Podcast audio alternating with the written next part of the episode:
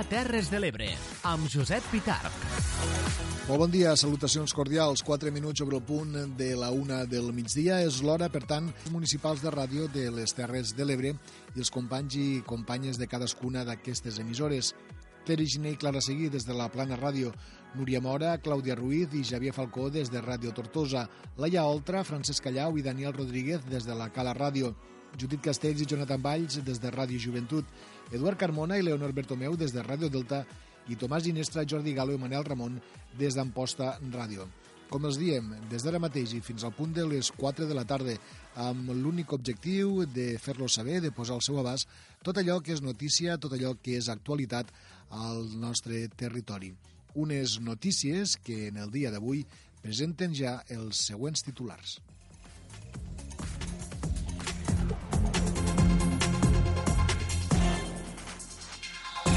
El Consell de Direcció del Departament d'Agricultura, Ramaderia, Pesca i Alimentació es reuneix a Amposta per analitzar els efectes del temporal Glòria. La consellera Teresa Jordà visita també les cases del Canà i la Ràpita reunint-se amb el sector pesquer. Ahir la tarda es va poder posar en funcionament l'estació de bombament del Pal per començar a treure l'aigua salada dels arrossars de la marge esquerra del Delta de l'Ebre. El Consell de Ministres de demà, dimarts, podrà aprovar les primeres mesures d'ajut a les zones afectades pel temporal Glòria. Salvador Illa, Pere Aragonès o Jessica Albiach, entre altres, han visitat durant aquest cap de setmana el Delta de l'Ebre. La Mella de Mar neteja les platges més cèntriques després de la tempesta. Per la seva banda, també l'Ajuntament d'Alcanar recull més de 5 tones de brossa del mar a les platges del municipi. La Ràpita sol·licita que es declari zona catastròfica tot el delta de l'Ebre. L'Ajuntament d'Amposta també sol·licitarà en el ple d'aquest vespre la declaració de zona catastròfica. La Clínica Terres de l'Ebre inclou un nou mamògraf i un espai d'alletament matern. L'alcalde d'Amposta assegura que recurriran l'expedient contra el bou capllaçat de les passades festes majors. Els bombers localitzen sants i estalvis als joves que s'havien perdut a les muntanyes d'Arnes i també a l'home que va desaparèixer a Tortosa. Justament a la capital del Baix Ebre es fa un homenatge als deportats als camps d'extermini nazi en el Dia Internacional de la Memòria de l'Holocaust. Santa Bàrbara contracta tres persones amb el programa Treball i Formació 2019-2020. I també direm que la, la Candelera 2020 calenta motors amb els actes previs.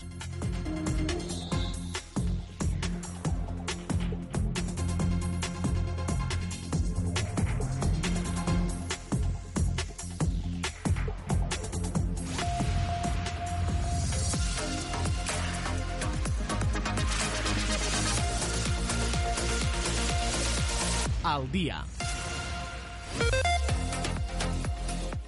Com els dèiem, la consellera d'Agricultura, Ramaderia, Pesca i Alimentació, Teresa Jordà, i el secretari general, David Mascort, així com tots els directors i directores generals i territorials d'aquest depart departament s'han desplaçat avui a les Terres de l'Ebre i han realitzat una sèrie de visites amb representants de diferents sectors afectats i una reunió també interna per fer una radiografia de valoració dels danys ocasionats pel temporal que permetrà decidir quines són les mesures que es portaran a terme a partir d'ara. Així, la consellera ha visitat la confraria de pescadors de les cases d'Alcanar, també ha mantingut una reunió amb representants de les cofradies de pescadors ebrenques a la llotja de peix de la Ràpita i posteriorment, com dèiem, ha iniciat als serveis territorials de les Terres de l'Ebre la reunió del Consell de Direcció del Departament d'Agricultura, Ramaderia, Pesca i Alimentació i que habitualment se celebra els dilluns a Barcelona. Una reunió que pel que sembla encara dura en aquests moments i que està seguint la nostra companya Judit Castells. Per tant, quan són les, eh, les, la una i nou minuts del migdia, busquem la última hora. Judit, bon dia.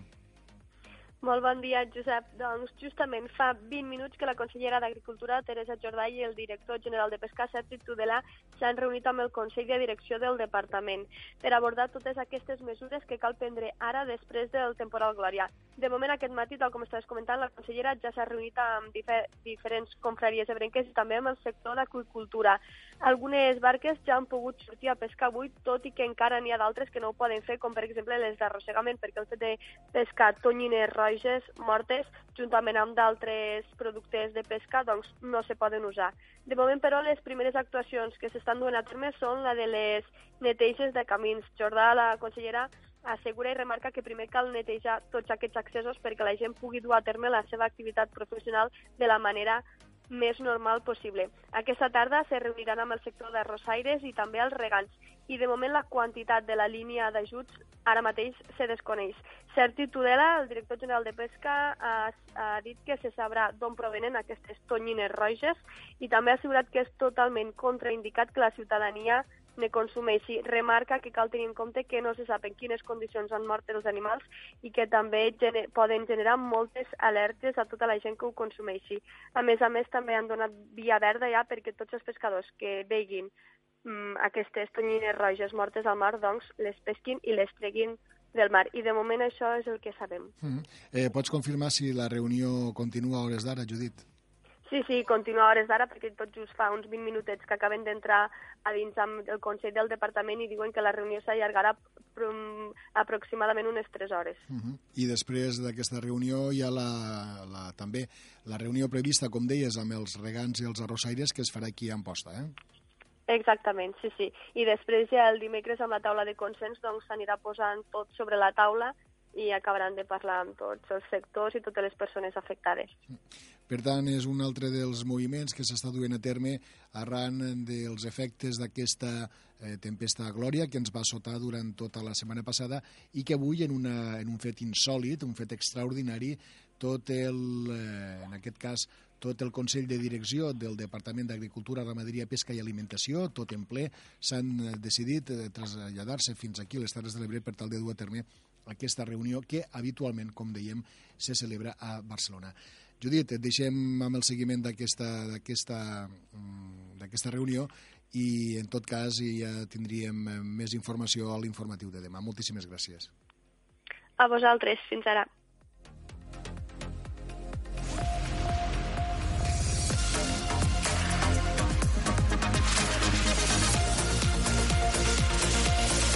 Al dia, les notícies de les Terres de l'Ebre.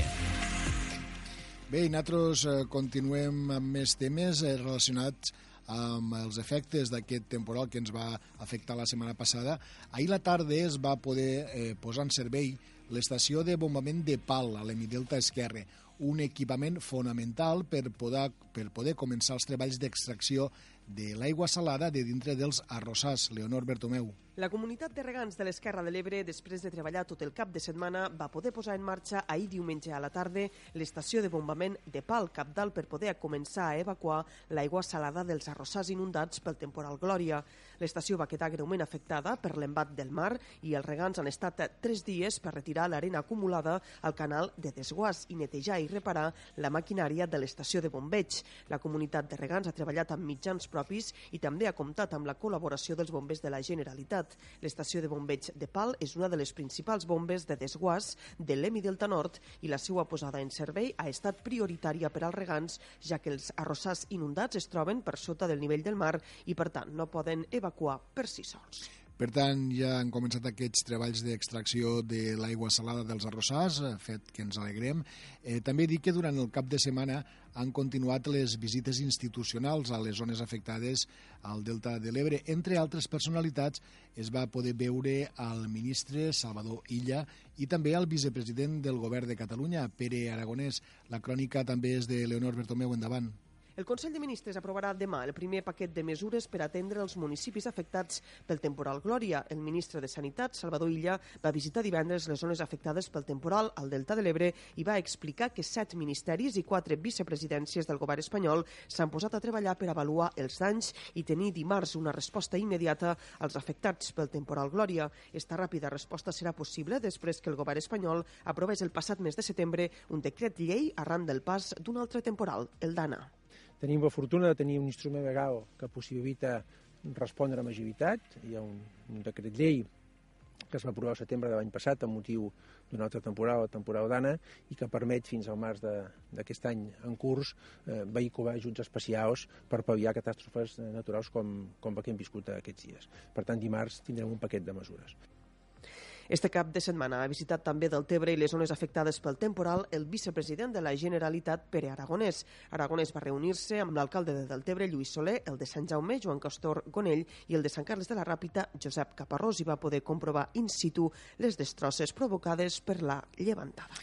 Doncs recuperar la Comissió per la Sostenibilitat de les Terres de l'Ebre per poder consensuar mesures efectives per frenar la regressió i aportar sediments al Delta de l'Ebre és la proposta que també ha llançat la líder d'en Comú Podem al Parlament de Catalunya, Jessica Albiach, que dissabte també va visitar els efectes de la llevantada aquí al nostre territori i dir-los que prop d'un centenar de persones van participar, han participat aquest dilluns en la neteja dels residus que el temporal Glòria ha portat a les platges de diferents indrets, per exemple, de la Mella de Mar. És la primera acció organitzada per l'Ajuntament per retornar les platges a la seva normalitat i recuperar la imatge habitual de la costa. Francesc Callau. Els voluntaris s'han distribuït per diferents platges per recollir plàstics, fustes i altres deixalles. Entre aquests hi havia alumnes de l'Institut Candelera.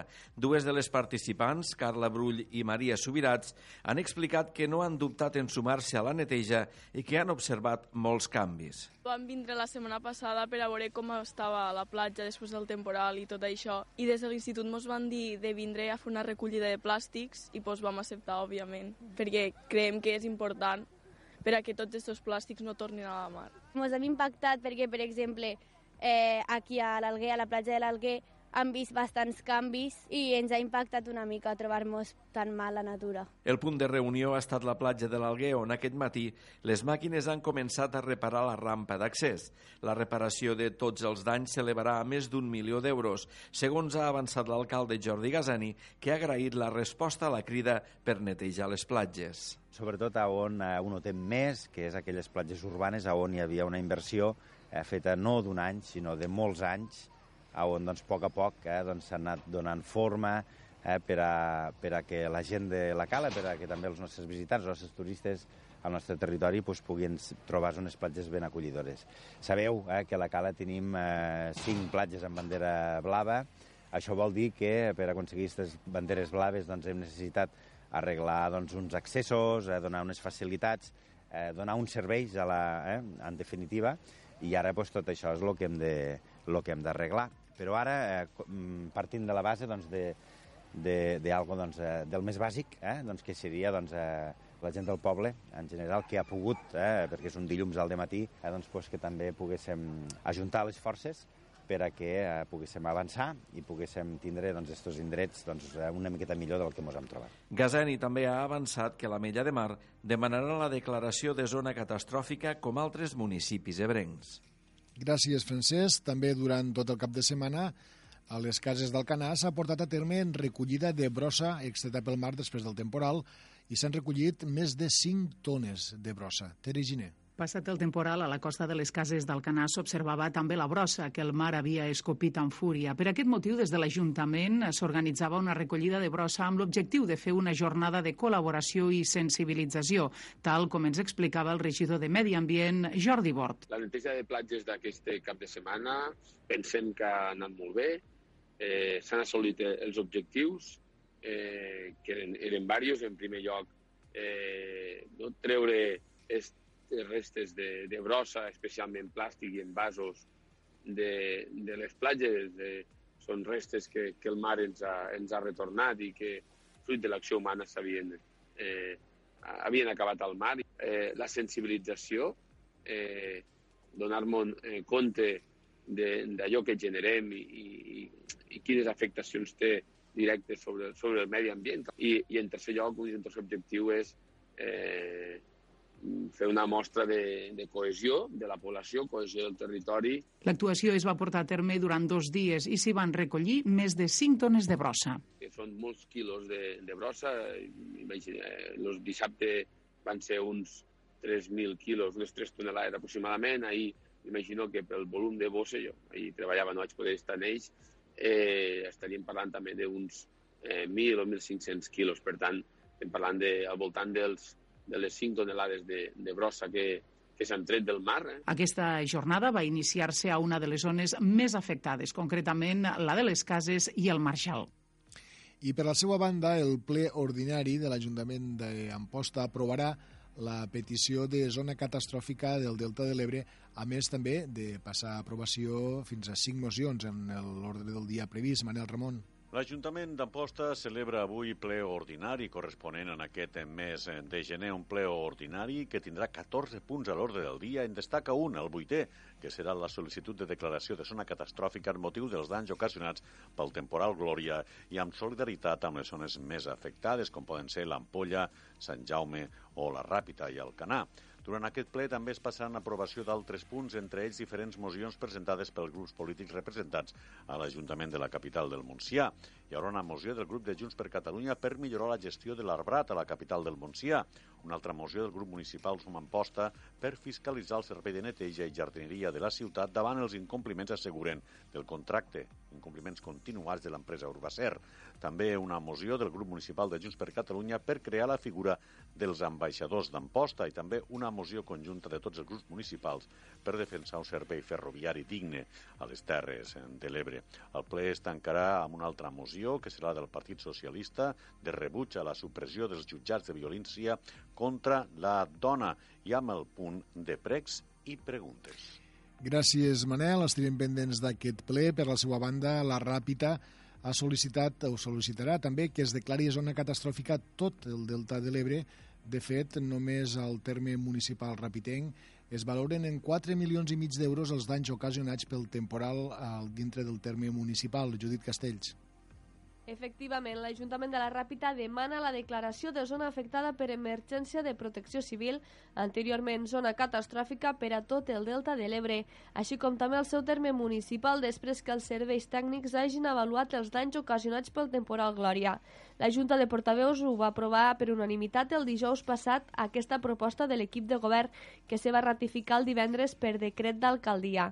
L'alcalde de la Ràpita, Josep Caparrós, defineix com dramàtic l'estat en el que han quedat alguns dels espais més emblemàtics del Delta de l'Ebre, tot remarcant en la necessitat de treballar per solucionar tots els danys produïts per Glòria, així com també evitar-los en un futur sense excuses, apunta. Eh, jo m'atreveixo a dir que han patit una catàstrofe natural eh, històrica i eh, davant d'esta situació se necessita reaccionar de manera històrica també.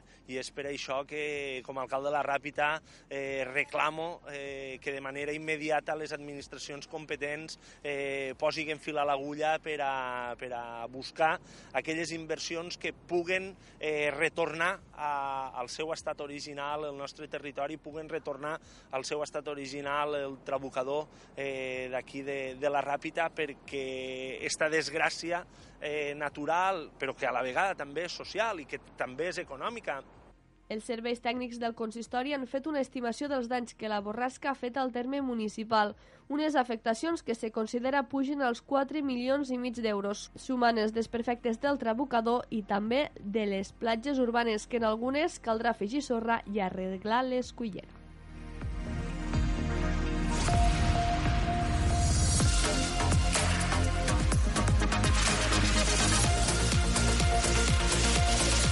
Al dia.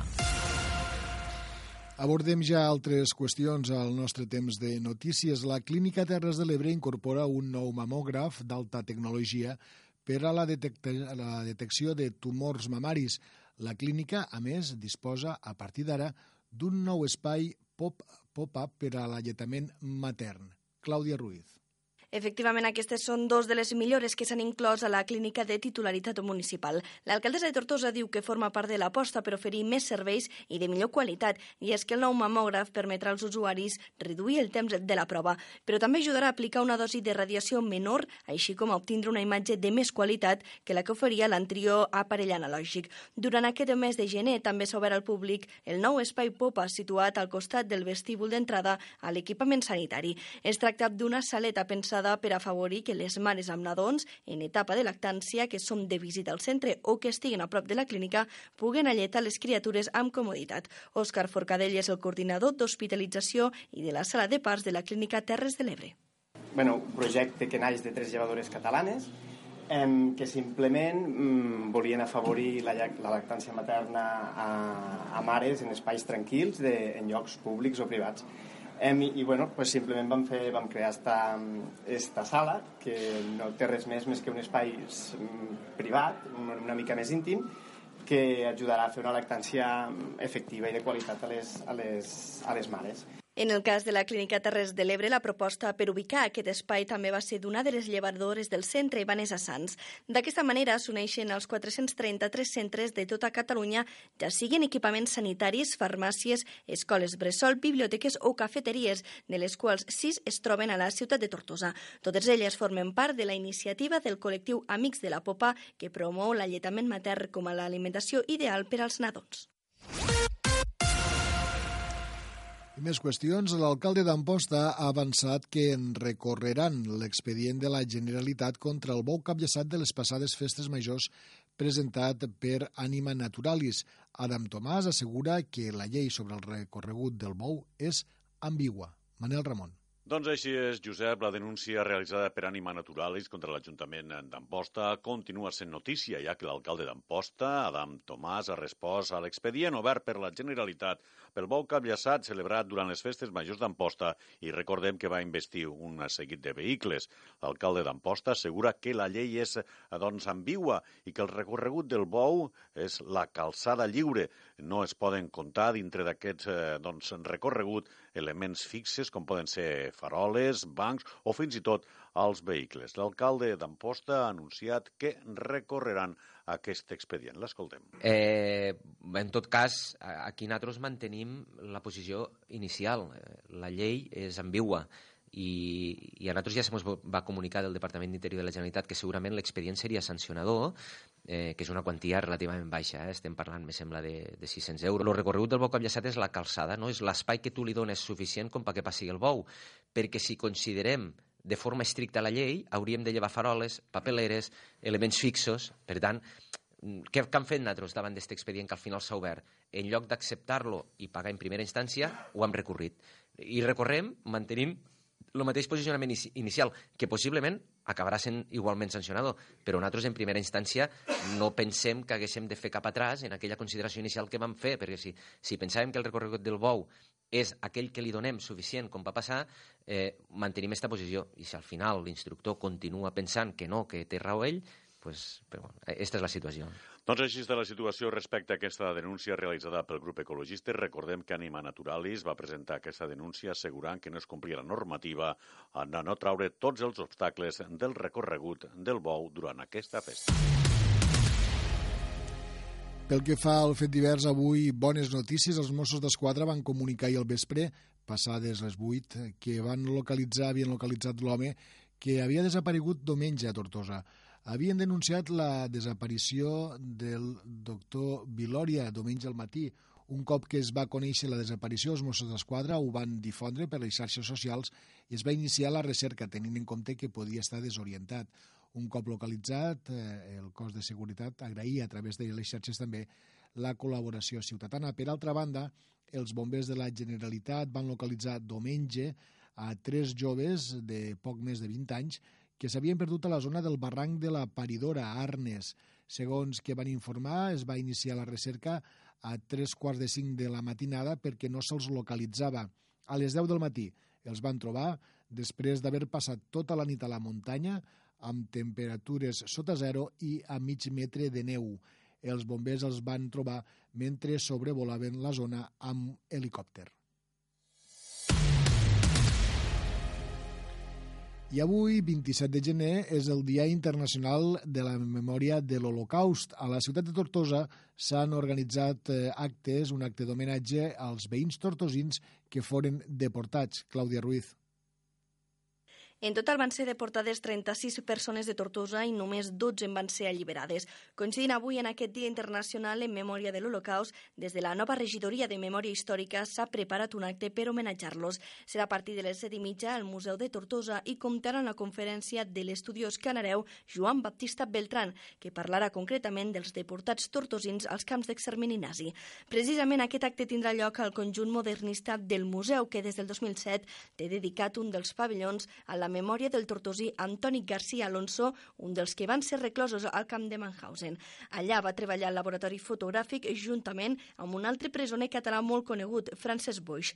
Aquest, però, és un dels primers actes organitzats per la nova regidoria encapçalada per Dolors Bel, qui ha explicat que treballaran per aprofundir en el llegat històric de la ciutat anem, anem treballant. Eh, tenim dates importants a Tortosa, com el 15 d'abril, els famosos, el famós divendres de sang, bombardeig eh, tan important a la ciutat de Tortosa, i altres, eh, altres dates que són significatives i que penso que a través de la Regidoria de Memòria Històrica podem aprofitar per aprofundir en, el, en, este, en este llegat històric eh, que tenim a la nostra ciutat pues, com he dit abans, per fer pedagogia, per educar en aquestes noves generacions en tot allò que va passar i que no hauria de tornar a passar mai més i també pues, per treballar aquests eh, aspectes que en, algun, en molts casos són desconeguts. El 27 de gener de 1945 es va produir l'alliberament del camp d'extermini nazi d'Auschwitz-Birkenau, motiu pel qual marca avui aquest Dia Internacional de Commemoració en memòria de les víctimes de l'Holocaust.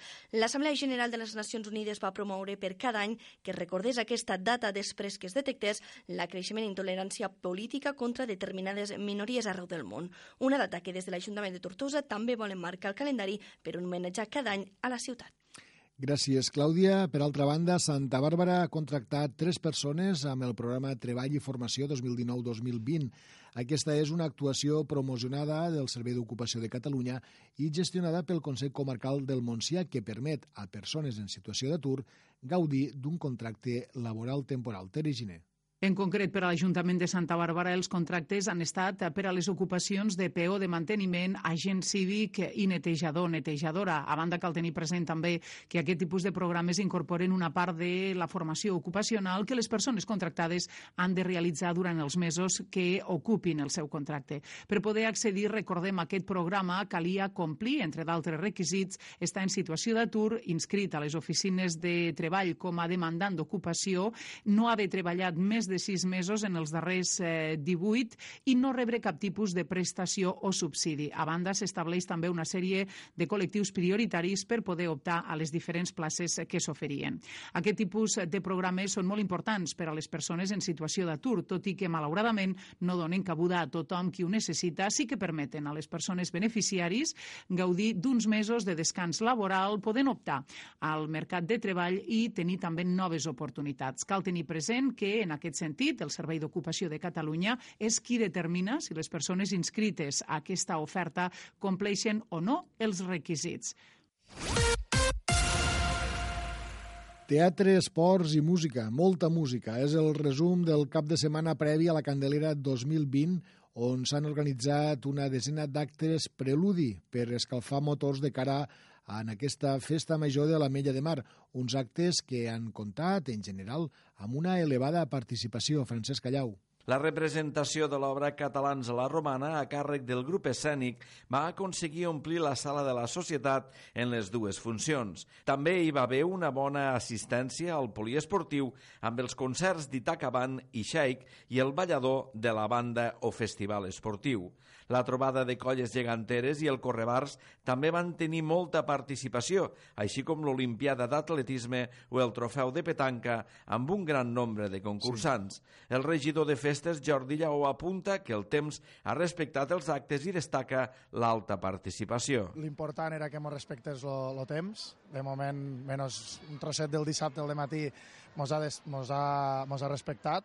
Els actes molt ben, de moment amb molta afluència, molt bé, molt bé tots els actes i ja et dic, de moment contents i el balanç, el balanç del primer cap de setmana del preludi de, de Candelera és positiu. Els actes preludi han donat el tret de sortida a la Candelera, que es viurà entre el 31 de gener i el 4 de febrer. Tot el programa es pot consultar a mellamar.cat barra Candelera.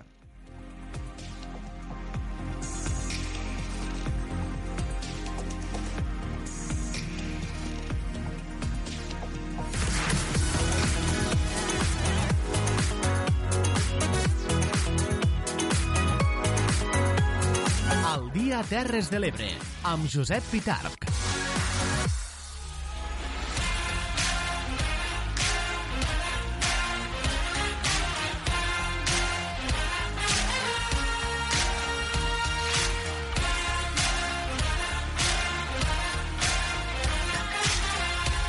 Al dia, els esports de les Terres de l'Ebre. I avui els esports els eh, iniciarem donant un cop d'ull als eh, resultats que s'han produït en la darrera jornada de Lliga, tant a primera, segona, tercera com també quarta catalana i les eh, classificacions que, es du, que queden després d'aquesta jornada. No obstant, ens fixarem també amb algun dels partits, especialment els que es van jugar, en aquest cas, eh, durant el cap de setmana.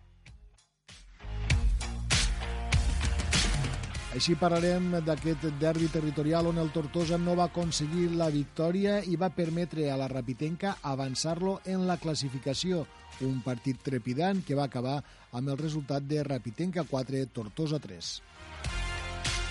Derrota del club de futbol Amposta per 2 a 4 davant del Cambrils en un partit desastrós dels de la capital del Montsià.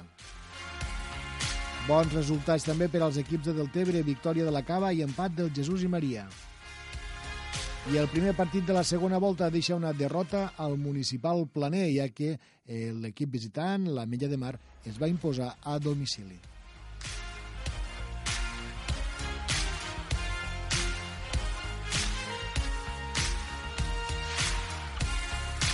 I com els dèiem, iniciem el repàs a com han quedat els partits després de la darrera jornada, també les classificacions. Així, per exemple, al grup segon de primera catalana, males notícies, ja que l'Escó va perdre a casa 0 a 2 davant de l'Almacelles.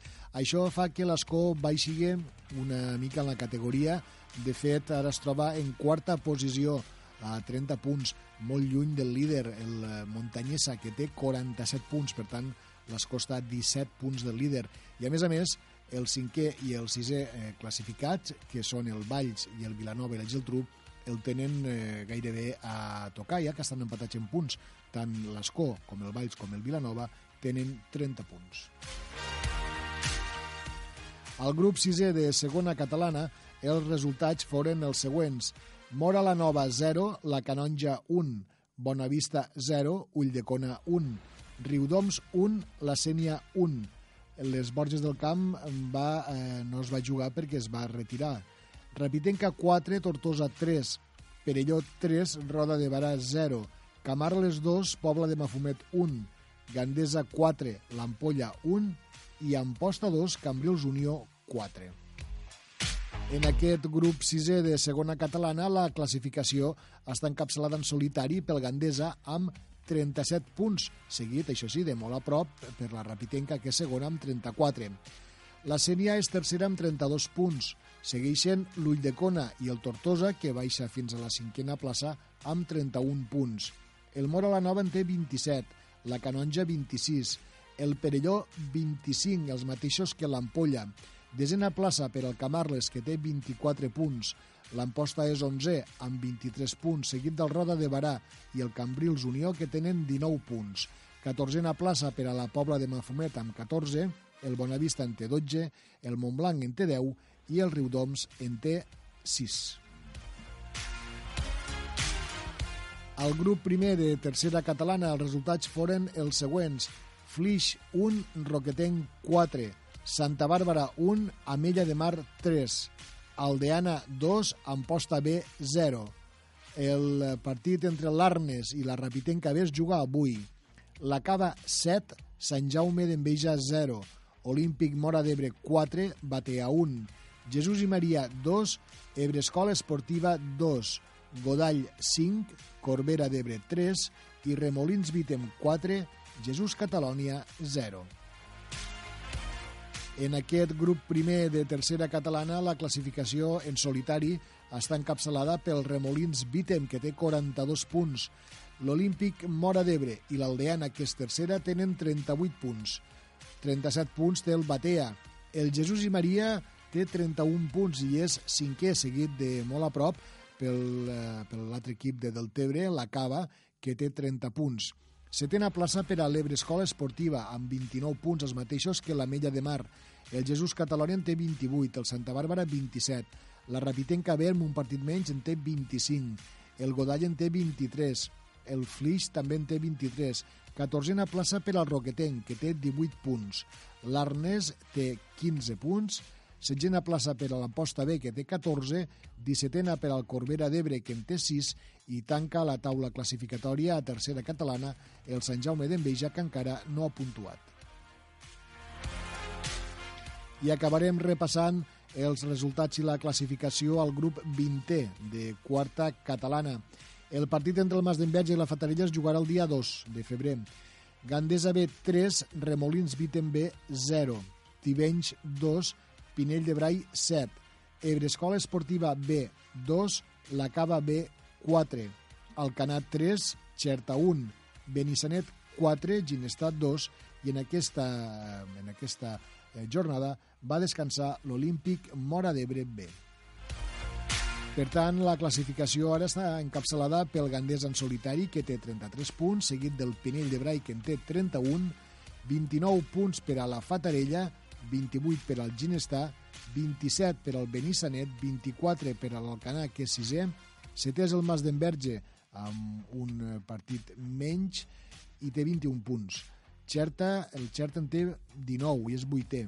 El Jesús Catalònia B té 16 punts, el Tivenys 14, el Remolins Vitem té 11 punts, la Cava B és dotzena i té 10 punts, l'Ebrescola Esportiva B és, eh, té 7 punts i tanca la taula en 14a posició l'Olímpic Mora d'Ebre que té 4 punts.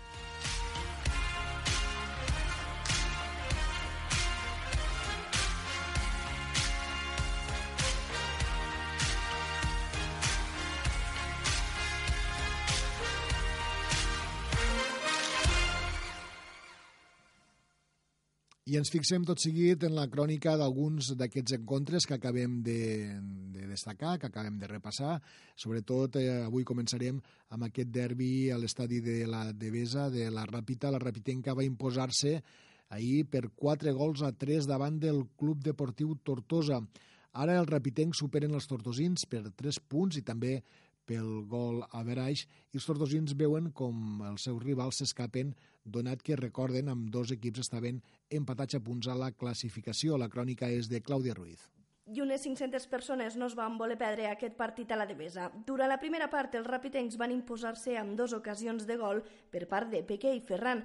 Aquest últim va enviar una pilota al travesser i no va posar les coses fàcils als jugadors tortosins, tal com destacava l'entrenador del Tortosa, Germán Inglés. I la veritat que la primera part a nivell ofensiu hem estat molt bé, hem creat molts de problemes a la Rapitenca i per contra pues, bueno, sí que, que hem tingut algun problema sobretot a l'hora de controlar Ferran, que és un jugador que sap trobar els espais per a rebre i, i quan rep allí pues, és un jugador que té molta qualitat i, i ha ficat bones pilotes per, a, per als seus companys.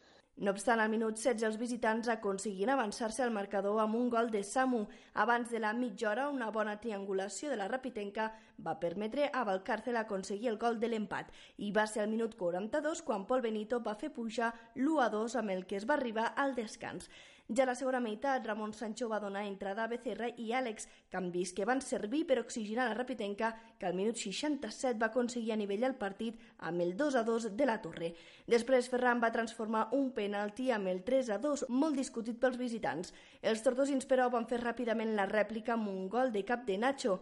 Ja en els darrers minuts, una passada de Becerra va permetre a Ferran anotar el definitiu 4 a 3 i així donar 3 punts d'or al seu equip.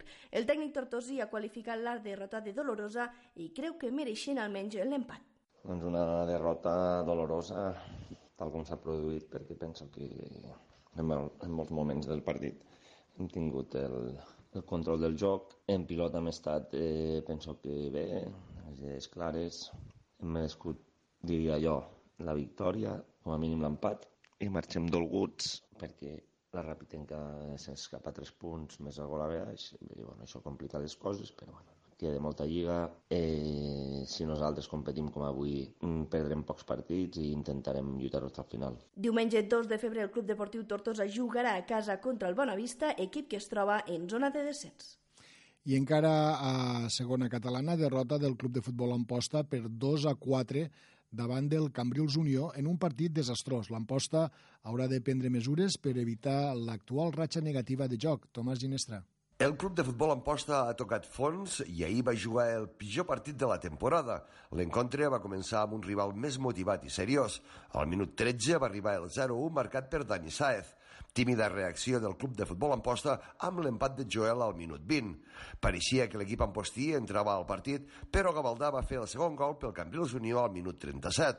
Amb el resultat 2 a 2 s'arribava al descans. A la segona part no hi va haver millora i el Cambrils en 9 minuts va fer dos gols i va sentenciar el partit. Un gol de Nico establia al minut 75 el 2 a 4.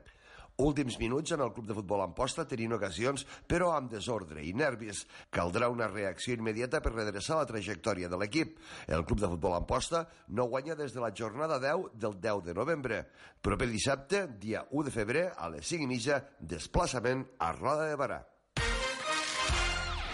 Canviem ja de categoria, passem a tercera catalana. El Santa no va aconseguir vèncer la Mella de Mar. Els de Francesc Parra perdien aquest cap de setmana també a casa per 1 a 3 en el primer partit d'aquesta segona volta. Clara Seguí. L'Atmella de Mar es resisteix als planers. Dissabte vivien la segona derrota davant els Caleros. El primer partit de la temporada els va deixar mal sabor de boca, però en aquesta ocasió el Santa es va endur una gran sorpresa des dels primers minuts de partit, quan una mala decisió arbitral, segons apunta Ernesto Cid, el secretari tècnic del Santa, va canviar el transcurs del partit. Tots incrèduls per un marcador, penso que molt i molt contundent perquè se va veure el camp. Recordo, com sempre dic, que quan s'està 0 a 0 són els moments claus del partit i al minut 5, a l'àrea de l'Ametlla de Mar, l'àrbitre Ganxet Jaume del Col·legi de Tarragona no va voler pitar penal a una jugada molt clara i que hagués pogut canviar i molt el rumb del partit. No acabem de tenir sort tampoc en les decisions arbitrals. Si t'afegia també que l'Atmella de Mar és un equip rocós i molt complicat. Al minut 25 Madrid feia el 0-1 i els últims 3 minuts de la primera part arribarien dos gols seguits obra de Madrid i de Samuel García. A la represa, fins al minut 86 no arribaria el primer gol dels locals de penal en el qual Arasa anotaria l'1-3 final. L'Ametlla de Mar és un equip mm, que ens ha demostrat els dos partits que té molt bona defensa i els números ho diuen, és el segon equip menys golejat Segurament que té el millor central de la categoria, que és Samu, jugador que està buscat per equips de categoria superior. Té un porter que va molt bé en pilotes aèries i és un equip molt i molt expeditiu. No li importa xut i avant. Se defensa molt bé, costa molt fer-li un gol i davant té un home clau, que no és altre que l'ex-Santa Calafat. Després d'aquesta derrota a casa davant l'Atmella de Mar, el Santa baixa a la desena posició amb 27 punts. I continuem a la mateixa categoria. Els equips de Deltebre van sumar resultats positius esta setmana amb un triomf del Club Deportiu La Cava i l'empat del Jesús i Maria, Leonor Bertomeu bons resultats del Jesús i Maria i l'acaba este cap de setmana a la jornada 18 de la tercera catalana en la que el Remolins Vitem ha refermat el liderat del grup després de la derrota del Batea. El Jesús i Maria ha aconseguit un valuós empat 2 a 2 davant un rival directe com és Rebre Escola Esportiva en un partit molt disputat en el que els partidalencs van haver de remuntar dos cops el marcador. David Garcia és el tècnic del Jesús i Maria. Pues hem estat tenint ocasions fins, fins l'últim minut i bueno, no hem pogut aconseguir aconseguir la victòria, però bueno, ja et dic, un partit que ha estat molt disputat. Eh, per a mi crec que ha sigut just un empat, ja que un equip o l'altre se podien portar els tres punts. Content per l'empat i per la bona actitud que han tingut els jugadors. Amb l'empat, el Jesús i Maria es manté quina la classificació amb 31 punts, seguit de la Cava amb 30. L'equip blanc i blau va aconseguir una victòria balsàmica per 7 a 0 davant del QE Sant Jaume, el que li ha permès escalar fins al sisè lloc a la taula classificatòria i mantindre encara les seues aspiracions d'estar entre els 5 millors equips. Juanjo Prats és el director tècnic de la Cava. És un partit sense història en què la Cava ha aconseguit 3 punts vitals per a poder estar eh, bueno, eh, entre les 5 o 6 primeres places, aprofitant pues que el Batea ha perdut, l'Ebre Escola ha empatat i que d'alguna manera buscar sempre la segona plaça, ja que la primera és complicadíssima, però estos 12 punts que ens porta el Remolins Vitem. A la quarta catalana, el filial de la Cava es va imposar per 2 a 4 a l'Ebre Escola Esportiva. Gràcies, Leonor. Nosaltres encara pels, pel que fa als esports eh, donarem un apunt de ciclisme. Josep Betalú està a punt d'iniciar una nova campanya on intentarà repetir els èxits aconseguits durant el 2019. El ciclista nascut a la Ràpita i que participa en un equip Postí, als seus 42 anys, segueix en un estat impecable de forma i es troba a punt d'afrontar la temporada amb el nou repte que representa la seva participació en la Titan Series de Saudi Aràbia. Aquesta serà la primera edició d'una prova que neix enmig de molta expectació amb les inscripcions tancades a, causa de l'èxit assegurat de participació. Segons eh, que publica el setmanari L'Ebre, la Titan Series Aràbia Saudita es disputarà el 29 de gener a l'1 de febrer i serà la primera cita de l'any dintre d'aquesta agrupació de competicions. El concepte Titan Series és una idea que fa temps que busquen explotar que les empreses organitzadores. De fet, no és el primer any que aquest, aquesta Titan Desert compta amb una altra prova germana amb la seva imatge.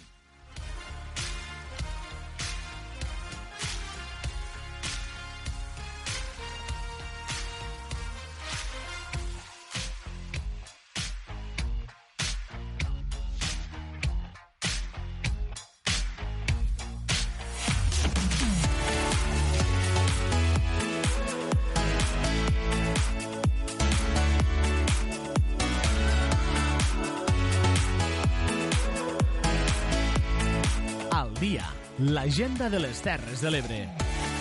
D'aquí pocs minuts arribarem ja al punt de la desconnexió publicitària. Deixem les notícies i continuem avançant amb més apartats del nostre programa. Ara ens toca, com acaben d'escoltar, veure quins són els actes, quina és l'agenda que hi ha preparada aquí al nostre territori. Per això comencem una ronda de connexions amb diferents emissores. Començarem avui als estudis de Ràdio Joventut, on hi ha la nostra companya Judit Castells, a qui ja saludem. Judit, bon dia. Bon dia, Josep. Doncs aquesta setmana a la Ràpita s'està duent a terme l'exposició Camins de Ronda, que proposa un recorregut per la diversitat de paisatges i maneres de viure d'uns senders que uneixen tota la costa catalana. Una oportunitat perquè el públic conegui de prop les persones que transiten per aquests senders, ja sigui la població local que en fa ús com els i les visitants que en gaudeixen, i també per acostar-se a la riquesa d'entorns i sensacions que evoquen. L'entrada, molt important, és gratuïta i encara a la Ràpita, aquest dissabte l'Auditori Sixto Mir acollirà el concert amb banda de rampaire pop d'autor d'Arrel Lebrenca, presentant el seu nou treball discogràfic L'era de les revolucions. Se durà a terme a les 8 del vespre i el cost de l'entrada és de 5 euros. Gràcies, Judit. Continuem. Anem ara als estudis de Ràdio Delta del Tebre per saludar el nostre company Eduard Carmona. Eduard, bon dia. Quins actes d'agenda tens avui? Bon dia, Josep. Avui us portem una agenda de cara, vaja, uns quants actes que se celebraran durant tota la setmana, començant aquest dimecres 29 de gener. D'una banda, tindrem una nova edició d'una nova jornada de les aules universitàries per a la gent gran amb el títol de Taller de Suport Vital Bàsic, les maniobres de, de reanimació. Un taller que anirà a càrrec de Pilar Ballano Laïna a les 6 a l'Espai Polivalent Eliseo Vives de la Biblioteca Delta de l'Ebre. El dijous 30 de gener hi haurà una, un nou club de lectura amb el títol La nit lletrada. Serà a les 7 de la tarda a l'Espai Polivalent, també Eliseo Vives de la Biblioteca Delta de l'Ebre. El divendres 31 de gener hi haurà un recital de poesia també a la Biblioteca Delta de l'Ebre a càrrec de Josep Maria Mola, que recitarà poemes de Federico García Lorca. A les 7 de la tarda, doncs, divendres 31 de gener. I per acabar, el dissabte 1 de febrer hi haurà una gala taurina eh, organitzada per l'agrupació de penyes taurines de les Terres de l'Ebre. Serà a partir de les 8 de la tarda al Delta Hotel. Gràcies, Eduard, per eh, fer-nos saber tots aquests actes i acabarem nosaltres als estudis de Ràdio Tortosa parlant amb la nostra companya Clàudia Ruiz, que ja està preparada. Clàudia, bon dia. Bon dia, Josep. Avui a l'agenda us portem la nova exposició del campus Terres de l'Ebre de la Universitat Rovira i Virgili. Es tracta de la mostra d'orgues del Camp de Tarragona i de les Terres de l'Ebre, on s'expliquen les característiques d'aquest instrument, les singularitats catalanes respecte a altres indrets, així com el vocabulari propi i el detall d'alguns models. El podeu visitar de dilluns a divendres, des del 8 del matí fins a les 9 de la nit, fins al 28 de febrer. I per demà dimarts arriba una nova sessió del Club de Lectura Feminista amb l'obra Lectura Fàcil de Cristina Morales. Serà a les 6 de la tarda a la Biblioteca Marcelí Domingo de Tortosa. I en aquest espai, també demà a les 7 de la tarda, hi ha el Reading Club amb Lidio Milafuta.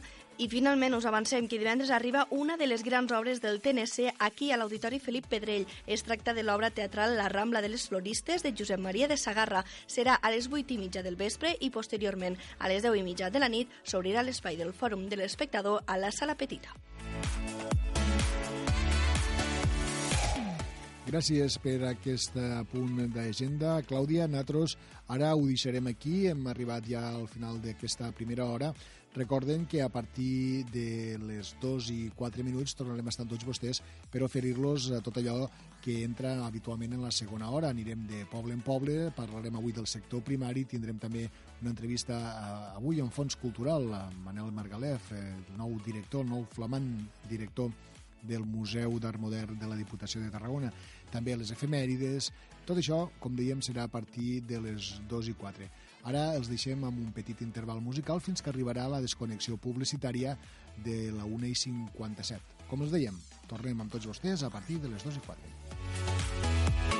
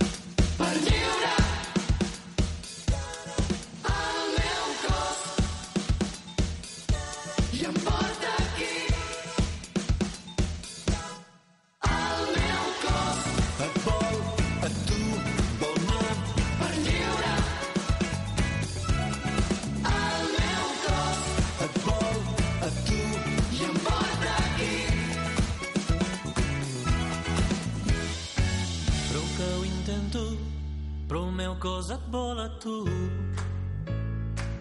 El meu cos et vol a tu. I no te'n riguis, que això no em passa amb ningú. Això no em passa amb ningú.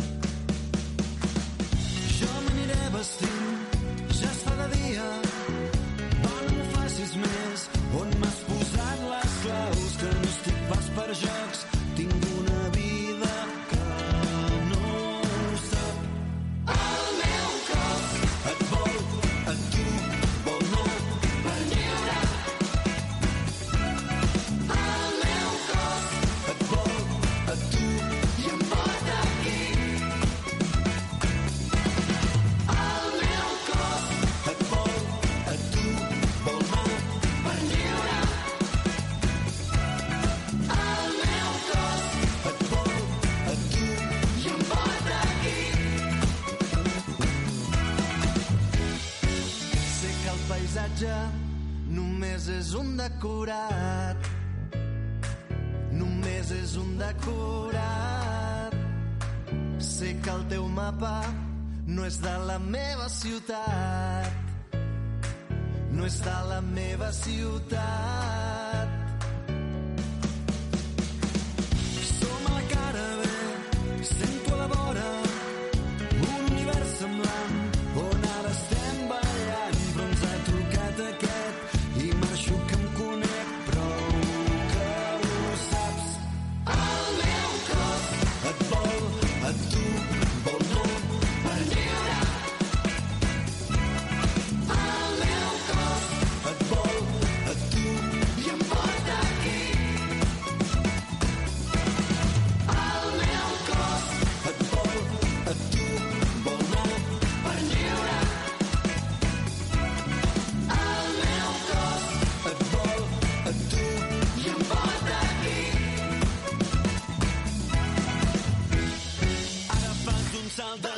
I busques entre 4.000 vinils per tu. Per tu. Sempre Sempre un joc quan jo tinc pressa. Casualment fent un tric-trac, l'agulla caronant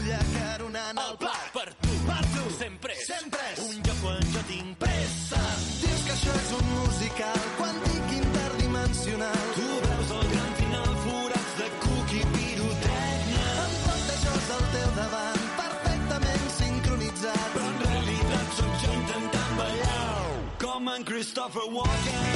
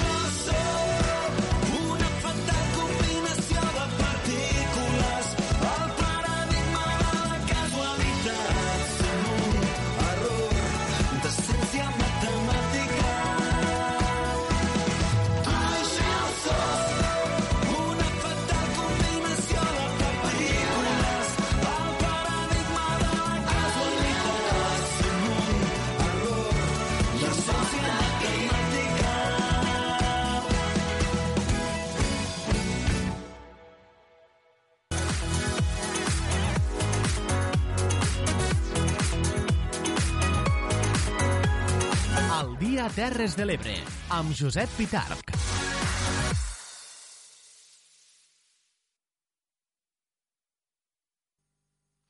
Quan són 4 els minuts que passen del punt de les 2 de la tarda, tornem a saludar-los al programa El Dia Terres de l'Ebre en aquesta segona hora, una segona hora en la qual els oferirem molts de continguts a través de les sis emissores municipals de ràdio que fem aquest programa. Recorden, són la Plana Ràdio des de Santa Bàrbara, Ràdio Tortosa, la Cala Ràdio a la Mella de Mar, Ràdio Joventut a Mas d'Enverge, Ràdio Delta del Tebre i també a través d'Amposta Ràdio. El primer que farem, però, abans d'oferir-los nous continguts, és recordar-los, repassar quines han estat les notícies més destacades en els següents titulars.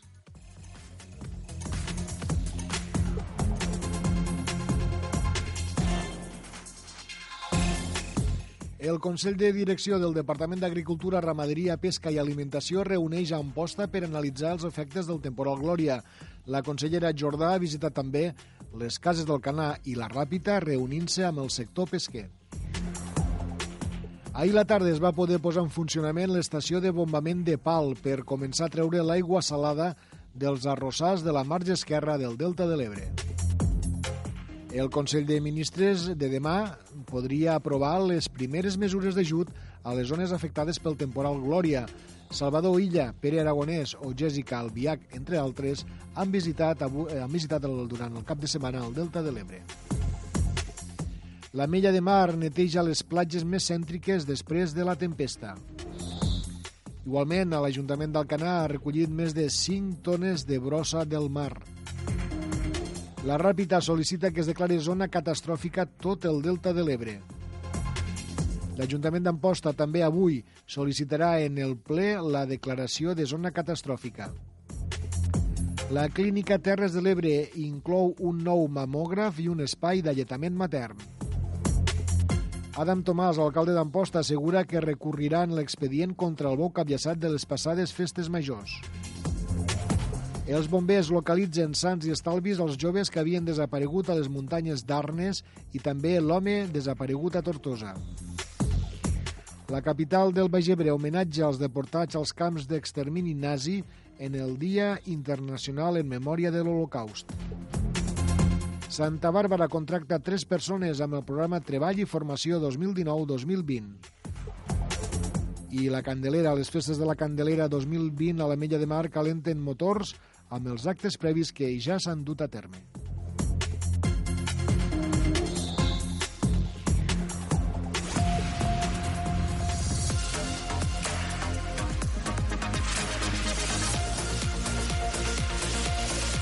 Al dia. 7 minuts sobre el punt de les 2 d'aquest eh, dilluns, d'aquest 27 de gener, i el que toca ara, justament, és saber, de la mà de Maria Barberà, què va passar tal dia com avui.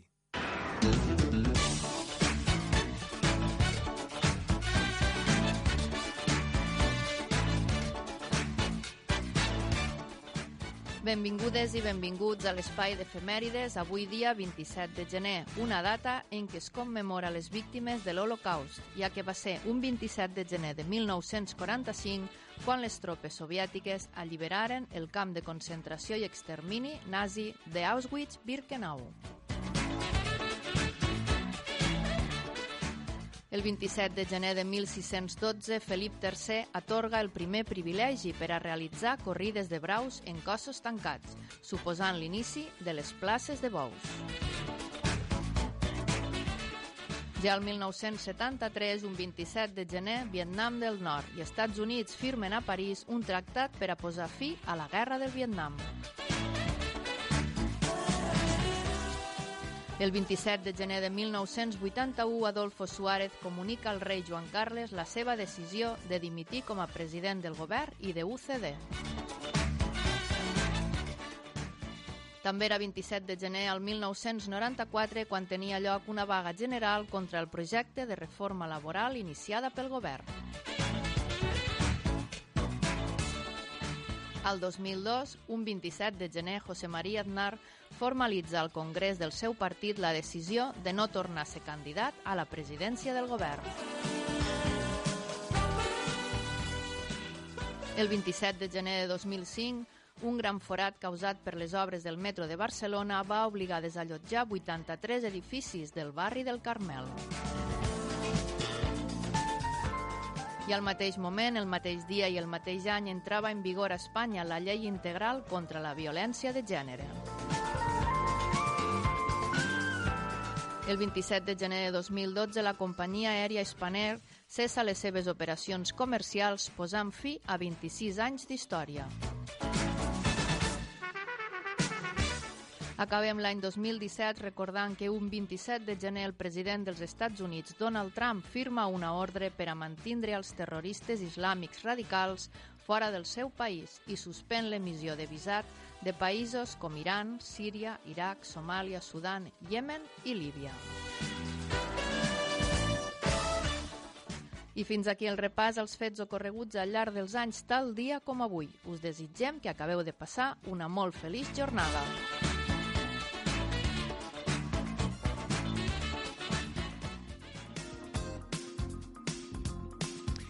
Gràcies, eh, Maria. Nosaltres continuem amb més temes. Un dels espais, ja ho saben, més afectats pel darrer temporal ha estat el Delta de l'Ebre. Cada dia sabem més coses de les afectacions reals que ha tingut i avui, des de Ràdio Delta, el nostre company Eduard Carmona té preparada una entrevista justament amb el director del Parc Natural del Delta de l'Ebre, Francesc Vidal, per continuar parlant-ne. Així és que, Eduard, quan vulgues. Avui contem als nostres estudis amb la presència de Francesc Vidal, que és el director del Parc Natural del Delta de l'Ebre, i és amb ell amb qui volem parlar com a una de les autoritats al respecte de tot allò que afecta de tot allò que afecta al Delta de l'Ebre, sobretot eh, des del punt de vista tècnic i científic i sobretot centrats en les conseqüències del temporal Glòria al Delta. Francesc, bon dia. Hola, bon dia. I benvingut. I moltes gràcies, gràcies per vindre. Gràcies sabem, sabem que són dies i moments complicats, que heu d'atendre molts de mitjans i, per tant, eh, t'agraïm molt que, que hagués pogut fer un forat a l'agenda i, i hagués pogut vindre a parlar-nos, vaja, d'això. Acabem de superar, i ho posaré entre cometes, un temporal sí. i la gent se fa, se fa preguntes, eh, vol saber realment quines conseqüències tindrà això i d'entrada te faré una pregunta que és molt bàsica i que no és potser la més important, però sí que ho és, en certa manera per a la gent afectada. De quina manera, de quina manera afectarà, de, creus, eh, una, una estructura d'estat, diríem, del nostre delta, que és l'arròs? Bé, jo crec que aquests dies s'ha parlat molt no? de, de com este temporal ha afectat els arrossars, que ha sigut una entrada d'aigua eh, salada als camps, d'una manera pues, molt forta. No? S'està parlant de 3.000 hectàrees, no sé si, si són 3.000 o 4.000 o, o 2.500, però la veritat és que és, és una afectació important que s'ha produït perquè s'han malmès unes infraestructu- infraestructures, malmès, diguem-ne, uns malecons de defensa que, que hi havia, inclús en la carretera de la Marquesa, uh -huh. n'hem perdut, i, i jo crec que també s'han han hagut danys a, a, a infraestructures de, de comunitat de regants, especialment les bombes de pal, que són eh, unes bombes molt importants i que, i que ajuden a drenar i que són necessàries vaja, per a drenar tot, tot una superfície molt gran i tot això les comunitats eh, i els països sabran molt millor que jo com, quina és l'afectació, si es podrà restituir ràpidament la funcionalitat d'aquestes bombes per a treure l'aigua salada i, i tornar a rentar les terres. Eh, ja fa un temps se va fer una experiència en relació a la lluita del caragol poma Mm -hmm. es van inundar en aigua salada 4.000 hectàrees d'aquí de, de Deltebre per a precisament erradicar el caragol Sí, poma.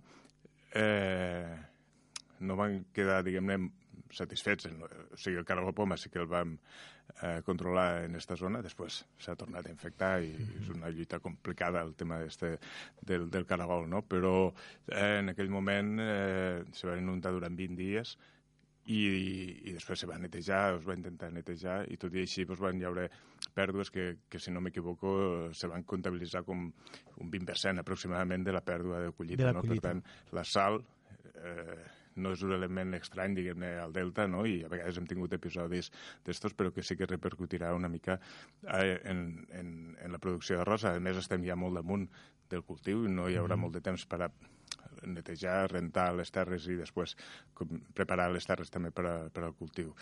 I jo crec que a veure, una mica l'important és que aquestes coses, eh, el que ha passat ara en la Glòria, ens pot tornar a passar, no? I hem d'estar preparats per a minimitzar els danys i que no, no afecti d'una manera tan clara també a, a, a sectors productius tan importants, perquè també crec que hi ha hagut danys importants a les muscleres. Les muscleres, i tant.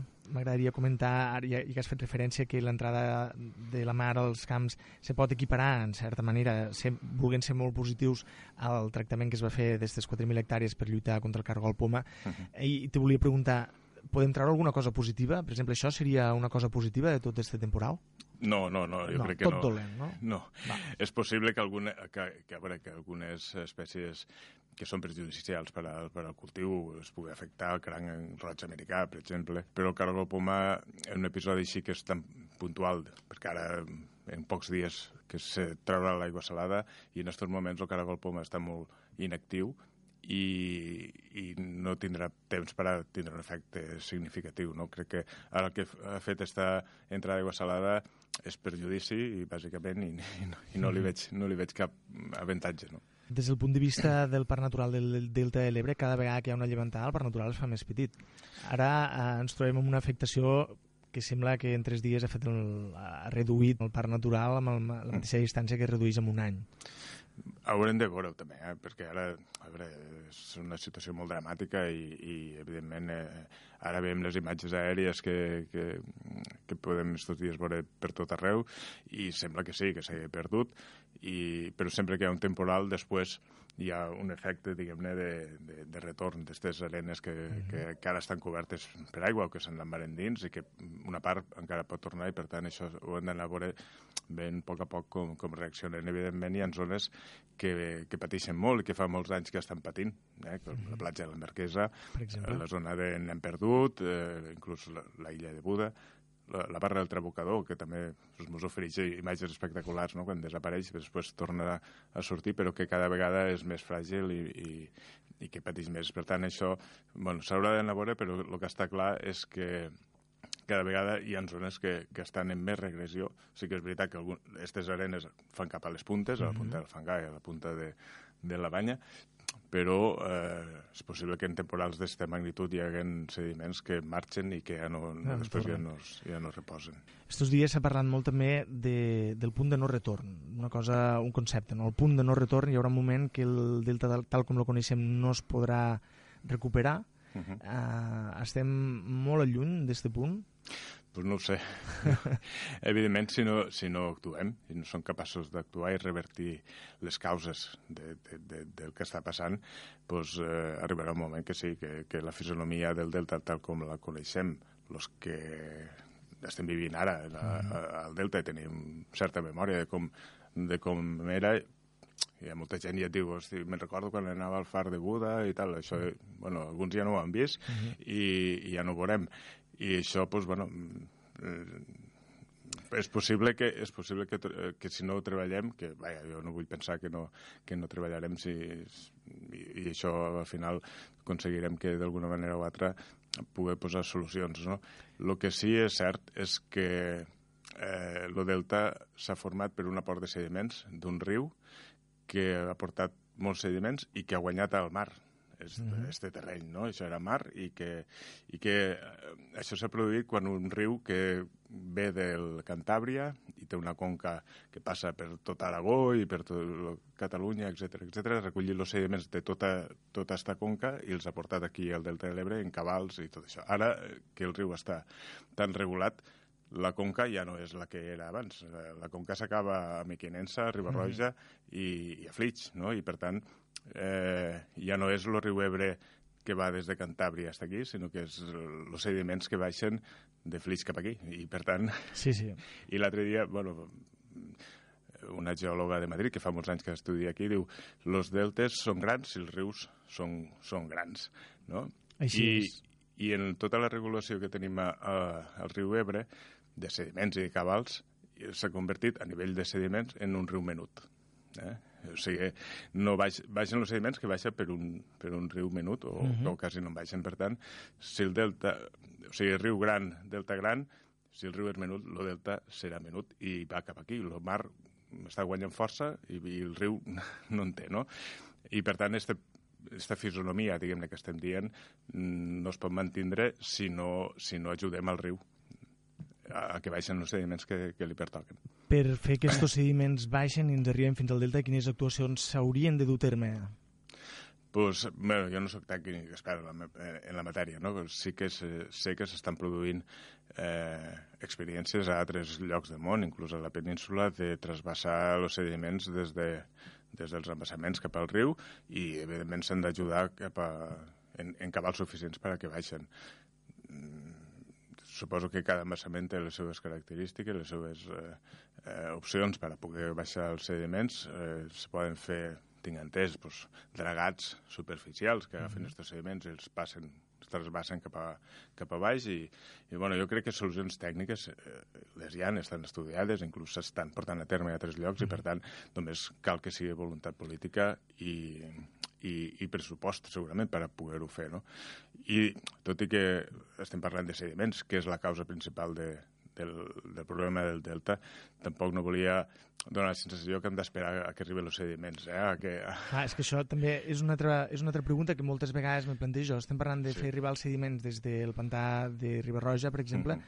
i realment quan, quan tardaríem a veure els Sí, efectes sí. dels sediments? Estem Tota- parlant de, de anys, no? Sí, sí, estem parlant d'anys i tot això s'ha de fer en calma i s'ha de fer bé i s'ha d'assegurar que els sediments que baixen siguin els correctes, sense contaminants, etc etc. Per això, clar, i, i en moments com els que estem vivint, la, la gent, la ciutadania, el que reclama són solucions ràpides, urgents i, i que ens defensen una mica d'esta pèrdua que estem tenint.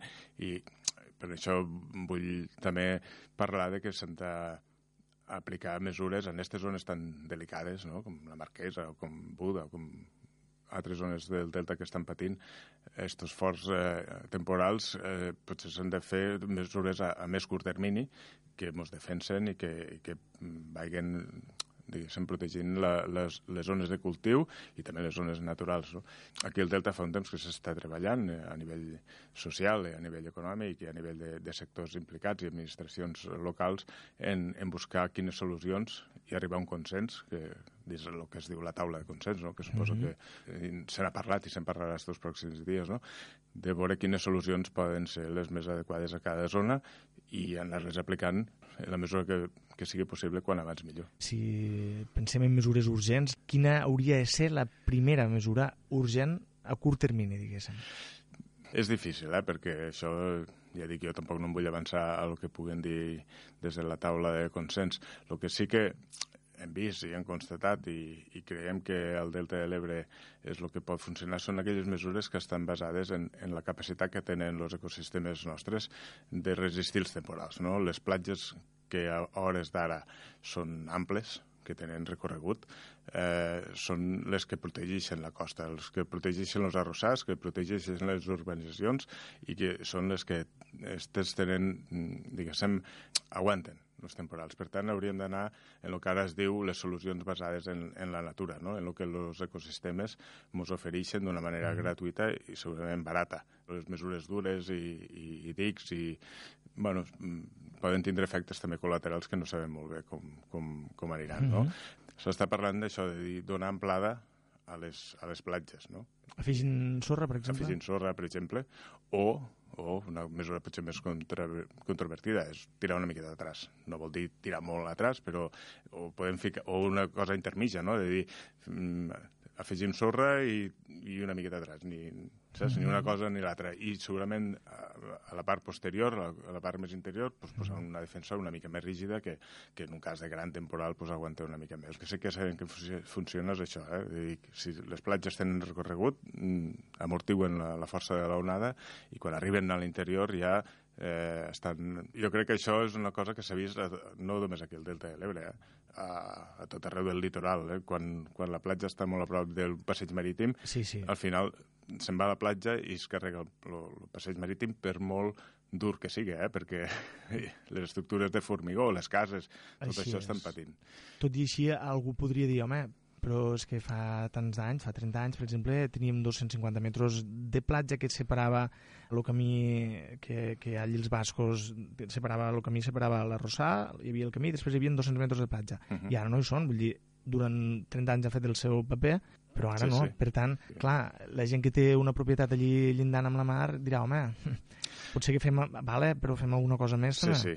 No, per, bueno, precisament és que el problema és este, no? Si durant 50 i 60 anys no s'ha fet res Clar. i hi ha, hi ha zones que s'erosionen més que altres. I, evidentment, aquí s'ha erosionat aquestes platges i ha arribat un moment que ja no aguanten. Ja no aguanten. No, no cal que vingui el Glòria, els temporals que vam tindre fa poc Sí. eh, també van afectar i, i a la illa de Buda igual, eh? cada, cada any se trenquen els calaixos i cada any entra l'aigua marina dins i, i tenim aquesta preocupació, no?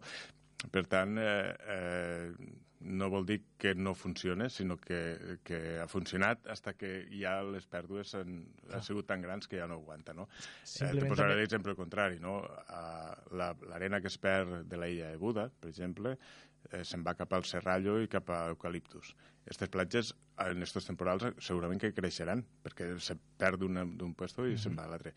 Quan hi ha un temporal fort com el que hi ha hagut ara, l'aigua arriba a la urbanització d'Eucaliptus. Arriba Mhm. fins allà, s'inunda una mica i tal, però no arriba la força de la onada. I, per tant, eh, allà la platja és la que salvaguarda la, la urbanització i els interessos econòmics, no? I, i bueno, són circumstàncies que no, no són volgudes, la dinàmica litoral que, que tenim, però com que no hi ha una aportació de sediments, els que hi ha se reparteixen i, i a un puesto pues, eh, Mm. lo fan més fràgil i l'altre puesto pues, eh, se reforça, no? Però ja dic que el paper de les platges és, és importantíssim. Doncs sent clau el paper de les platges i sent clau també l'aportació de sediments, esperem que els propers dies eh, se comencin a trobar solucions per encarar-les de cara als propers mesos i no haver de, de patir no? cada vegada que tenim un temporal i esperem que la taula de consens doncs, eh, serveixi també per arribar a aquestes decisions que sí. algunes, com tu dius, són a llarg termini, se veuran els efectes a llarg termini i d'altres potser podrien veure's a curt termini. Eh, jo no sé si estem preparats per a resistir dos temporals seguits, per exemple, o si aquesta temporada hagués durat dos o tres dies més que hagués passat, és una pregunta que, que mos fem. I vaja, suposo que des del Parc Natural també eh, és un tema que us preocupa i que també intenteu sempre aportar aquestes solucions. Sí, sí, tant. No. Nosaltres el que, el que volem, diguem-ne, és que se, se puguen començar a treballar. Entenem la preocupació de tothom i, i evidentment, hi ha efectes ambientals que també ens preocupen molt i, i jo crec que la inactivitat de, de les administracions moltes vegades també ha vingut per aquesta falta de- d'acord, eh, inclús a nivell tècnic. Eh? A nivell Mm. tècnic uns diuen una cosa, els altres diuen una altra, això no servirà per res, això, això s'ha de fer així, o només esperar els sediments també ha sigut una cosa que moltes vegades s'ha s'ha plantejat i potser, clar, crea, és un, un, un problema de tal magnitud i tan complicació tècnica que al final les administracions pues, no actuen perquè pues, per desídia o per falta d'interès o per falta inclús d'un consens clar del territori que, que al final facilita, facilita les coses. Jo crec que això va bé que ens assentem, que, que parlem, que tinguem un consens clar de les coses que s'han de fer, no només els sectors productius, sinó també la part científica i la part ambientalista i la part de moviments socials, etc. i que comencem a treballar perquè la ciutadania al final tampoc no entén això, no? que no s'està fent res i que ens hem de resignar que vinguin els temporals i que, i que bueno, mira, sortim a, a les notícies sempre per coses d'estes així i, i això mm. jo crec que s'ha de revertir i hem de començar a treballar seriosament tots plegats i les administracions, evidentment, i, que tenen responsabilitat doncs, han, de, han de comprometre's i han de començar a treballar en sèrio. Francesc Vidal, director del Parc Natural del Delta de l'Ebre, moltes gràcies per haver acudit a la nostra crida. Sempre és un plaer escoltar uh, les opinions i les valoracions de la teva persona uh, i t'agraïm profundament que hagués vingut. Gràcies a vosaltres i a disposició sempre.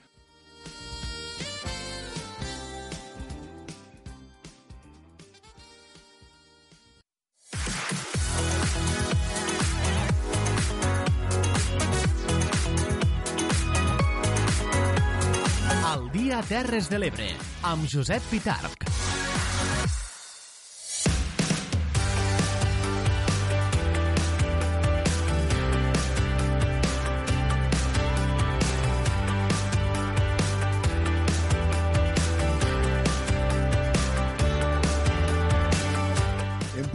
Dues i mitja, continuem el programa El Dia Terres de l'Ebre. Ara anem ja a l'entrevista del dia. El Museu d'Art Modern de la Diputació de Tarragona té nou director des del passat dia 15 d'este mes de gener. Es tracta de l'artista i docent ebrenc Manel Margalef, nascut a Amposta el 1963. Margalef és llicenciat en Història de l'Art i doctorat en Belles Arts i arriba al nou càrrec després d'anys com a professor a l'Escola d'Art i Disseny i com a docent associat a la Universitat Rovira i Virgili, concretament al Departament de Pedagogia. Amb ell ha tingut l'oportunitat de parlar el nostre company Manel Ramon. La notícia la donàvem dies enrere. Un ampostí, un artista ampostí, Manel Margalef, és el nou director del Museu d'Art Modern de la Diputació de Tarragona. Volem parlar amb ell, que ja es troba en aquell museu i ha pres eh, possessió del càrrec. Manel, què tal? Bon dia, benvingut. Bon dia, com esteu? Bueno, explica'ns eh, en què consisteix aquest càrrec de, per al qual has estat nomenat eh, recentment director d'un museu de la demarcació i la importància que això té per a una persona dedicada al món de l'art com tu des de fa molts, molts anys, jo diria des de molt petit, no? Bueno, eh, bé, sabeu que el Museu d'Art Modern de la Diputació de Tarragona és eh, un, un museu que neix per eh, situar la col·lecció Julio Antonio, és un museu que es contempla diríem, tota la seva trajectòria a partir dels finals del segle XIX, en tot, lo, tot la, el moment de la modernitat. Eh, reuneix tal vegada, diríem, una col·lecció d'artistes eh, dels eh, projectes o de, dels, dels artistes més representatius del que ha estat, diríem, l'art a, a Tarragona, al Camp de Tarragona i també Terres de l'Ebre.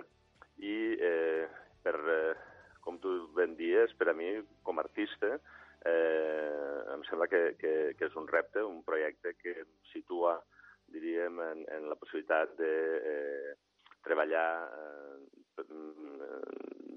pel territori, però també, eh, sobretot, per poder-me sentir pròxim al que han estat, diríem, els artistes i els projectes més representatius i el que ha de ser també la, la, les, la, bueno, la situació de, de, de l'art emergent a, a, la, a la província.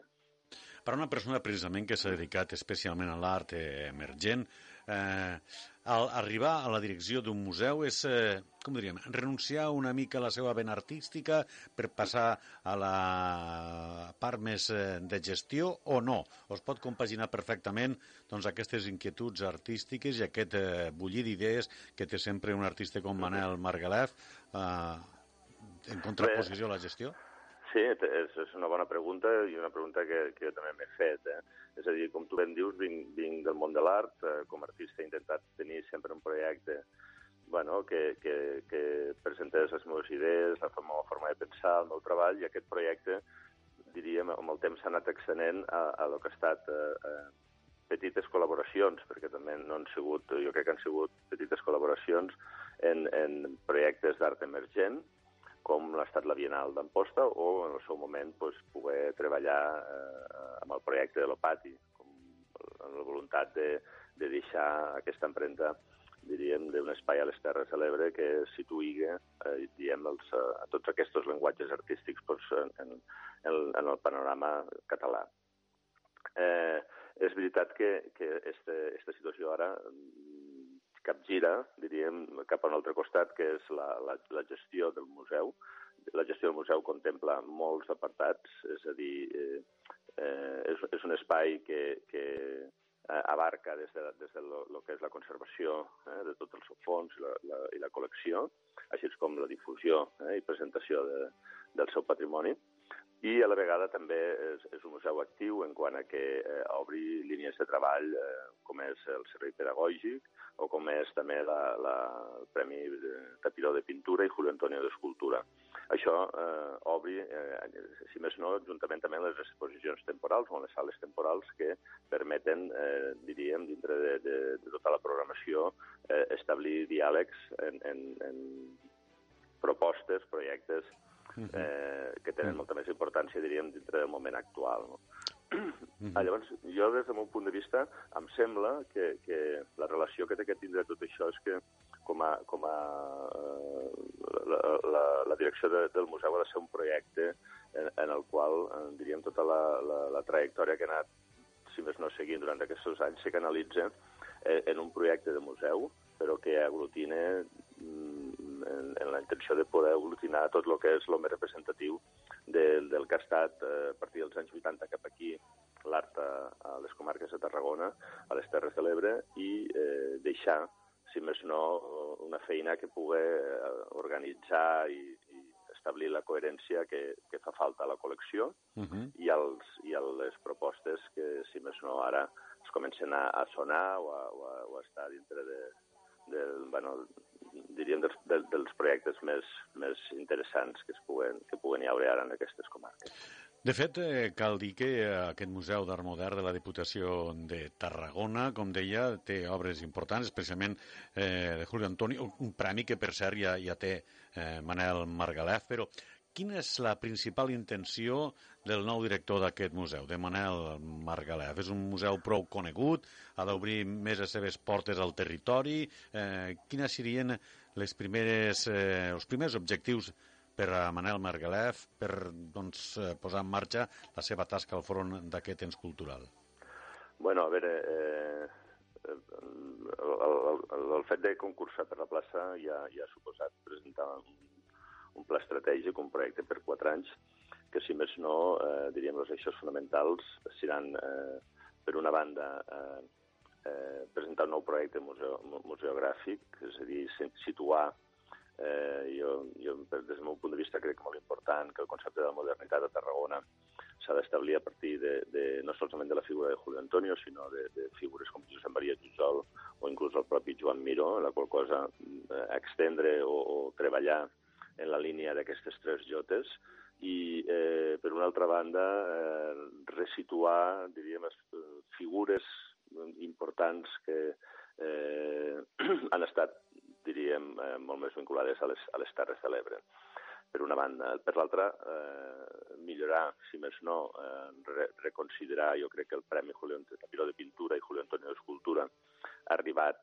com a la majoria de molts dels prèmits eh, que eh, eh, han, tingut una trajectòria eh, històrica, eh, arriba un moment que, que necessiten... Eh, el fet de, jo crec que, per dir-ho molt ràpidament, la, la, la revisió d'aquest premi és important en quant a, a que ha de ser també un, un dels eixos principals que ens permeti que projectar el museu cap a l'exterior i eh, centrar-nos també en, en el que és el concepte de, de la difusió, és a dir, creiem que hem de generar tot un nou pla de comunicació que ens permeti, diríem, poder arribar a molta més gent i, i sobretot, poder ser eh, canalitzadors eh, de, de, del, de, dels projectes i de, de, del nostre del públic que realment pues, ens visita i, i assisteix a, al museu. Manel, moltíssimes gràcies, bona feina.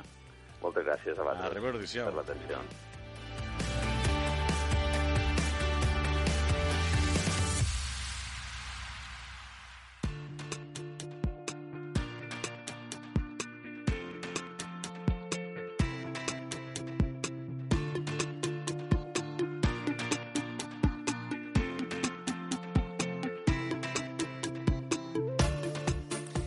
Doncs aquesta era l'entrevista que el nostre company Manel Ramon feia al flamant, el nou director del Museu d'Art Modern de la Diputació de Tarragona, a Manel Margalef. Nosaltres ara continuem, continuem amb més eh, temàtiques. Passem del món de la cultura, del món de l'art, en aquest cas, al món de la pagesia, ja que els efectes del temporal Glòria sobre els camps d'arròs, sobretot, però també sobre altres cultius, és un dels problemes que ara les administracions tenen al damunt de la taula, juntament, evidentment, amb la problemàtica general que és inherent a la nostra zona.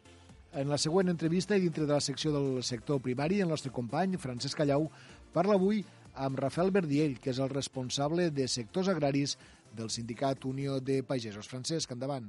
Els efectes de la borrasca o del temporal Glòria sobre el delta de l'Ebre deixen una problemàtica afegida i és l'afectació sobre els cultius. Una bona part eh, dels camps d'arròs que hi ha en aquest indret del nostre territori. Per parlar precisament d'aquesta afectació i de les reivindicacions del sector, avui volem parlar amb Rafael Verdiell, que és responsable de sectors agrícoles d'Unió de Pagesos. Eh, Rafael Verdiell, benvingut, què tal? Hola, bona tarda. Eh, comentàvem això, que el problema afegit que tots coneixem de la regressió i de tots els problemes que comporta aquest canvi climàtic al Delta de l'Ebre, hi ha la part del sector productiu, que és l'afectació que ha tingut i que poden tindre futurs temporals sobre els cultius de, dels camps d'arròs, no? Sí, és així mateix. Vull dir, aquest temporal el que ha posat és clar que és un, el Delta és un, un sector molt, molt fràgil, és un, és un territori on la més mínima qüestió meteorològica mos pot veure, mos pot veure desbordats, no? I això és el que ens ha passat aquests dies. L'aigua de mar, als punts més dèbils, mos ha entrat dins els arrossars, i això ha comportat que moltes terres hagin quedat salinitzades. Bueno, ja veurem què és el que acaba passant, no? De totes maneres, el temporal no ha fet res més que fer-nos veure una realitat, eh, però que no ens ha descobert res que no, que no coneixem. És a dir, ja ens ho podíem arribar a pensar que això que ha passat ens pogués pensar perquè mm, diguéssim que, que estava tot descobert el que podia passar amb aquest canvi climàtic, l'increment del nivell del mar al delta de l'Ebre. Una altra cosa és que s'hagi fet o no s'hagi fet abans de que es produís aquest temporal.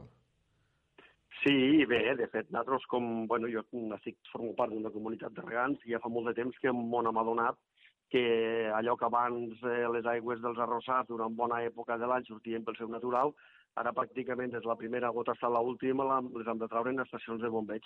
Què vol dir això? Pues que el delta s'enfonsa i que el nivell del mar puja, ni més ni menys. Per tant, tot, tot era previsible. Quan vingués un temporal com aquest que han passat, pues la, la lògica conseqüent era la inundació en aigua del mar. A alguns llocs eh, més eh, conseqüències que uns altres, perquè hi ha més regressió. De fet, a la part de la Marquesa i Riu Mar, en els últims 50 anys, eh, la platja ha reculat més de 150 metres.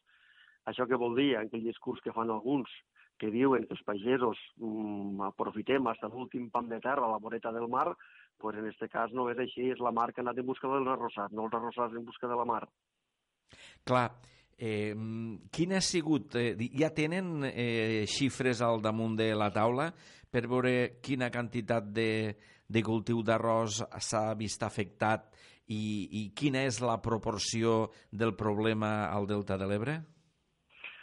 Bueno, eh, d'anys, en quant a inundacions d'aigua del mar, estaríem parlant entre 3 i 4.000 hectàrees. Eh, aquestes serien les que tenen un grau de salinitat més elevat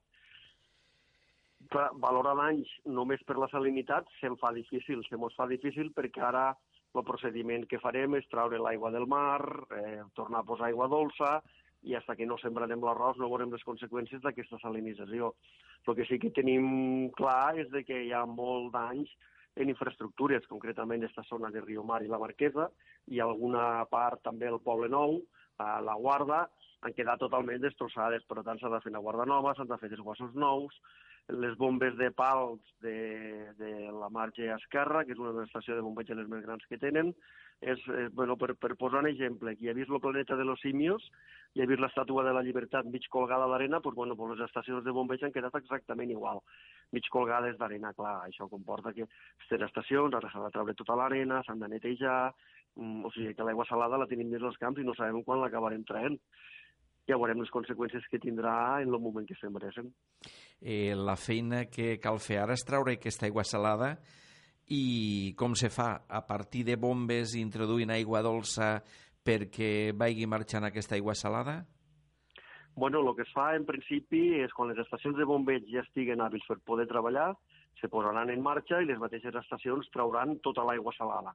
Els camps quedaran oberts, aniran els desguassos, els desguassos quedaran eixuts. Posteriorment a això, el que es farà és soltar l'aigua als canals, inundar tota aquesta zona en aigua dolça del riu per tal de poder contrarrestar la sal cap a capes freàtiques més inferiors. A veurem si m'ho sortim o no, perquè, clar, en el caragol, aquesta tasca, aquesta feina ja la fèiem, no? Vull dir, eh, tiràvem aigua salada i després posàvem aigua dolça.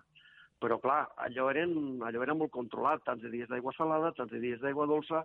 Ara, en aquests moments, hi haurà camps que igual tenen 20 o 25 dies o més l'aigua salada dins. Veurem què és el que passa, veurem. Per a poder fer aquesta, tota aquesta feina, mm, el, les comunitats de regants se'n surten per elles mateixes o aquí calen ajudes de l'administració? Bueno, aquí el que caldrien, evidentment, és ajudes de l'administració. El que passa que, com que ja estem acostumbrats a que arriben tard i malament, ja, ja m'ha de pres de que les coses primer les fem nosaltres i si arriba algo benvingut sigui.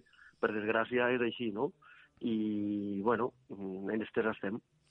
Aquestes hectàrees que s'han vist afectades i que, com, com vostè diu, tindran l'aigua dolça als camps més del que és habitual, poden veure's també perjudicades en una futura producció? És a dir, pot afectar negativament aquesta presència més llarga d'aigua salada als camps? Bueno, d'entrada serà un any atípic. Ara, en el millor dels casos, posem que traiem l'aigua salada, posem l'aigua dolça, tenim 20-25 dies o un mes l'aigua dolça, després hem de tornar a esperar que se sequen els camps, bueno, doncs on podem anar tranquil·lament de mitjan maig cap avant a sembrar, vull dir, això és una barbaritat. Eh, què passarà en aquest arròs? Tindran la producció normal? No la tindrà? Home, doncs són èpoques ja molt avançades, molta calor, ja tenim moltes plagues als camps amb les temperatures i, bueno, també et crea els teus dubtes. No sabem què és el que acabarà passant. Com dia, és un any, serà un any molt atípic, ja veurem com, com acabem sortint-me'n.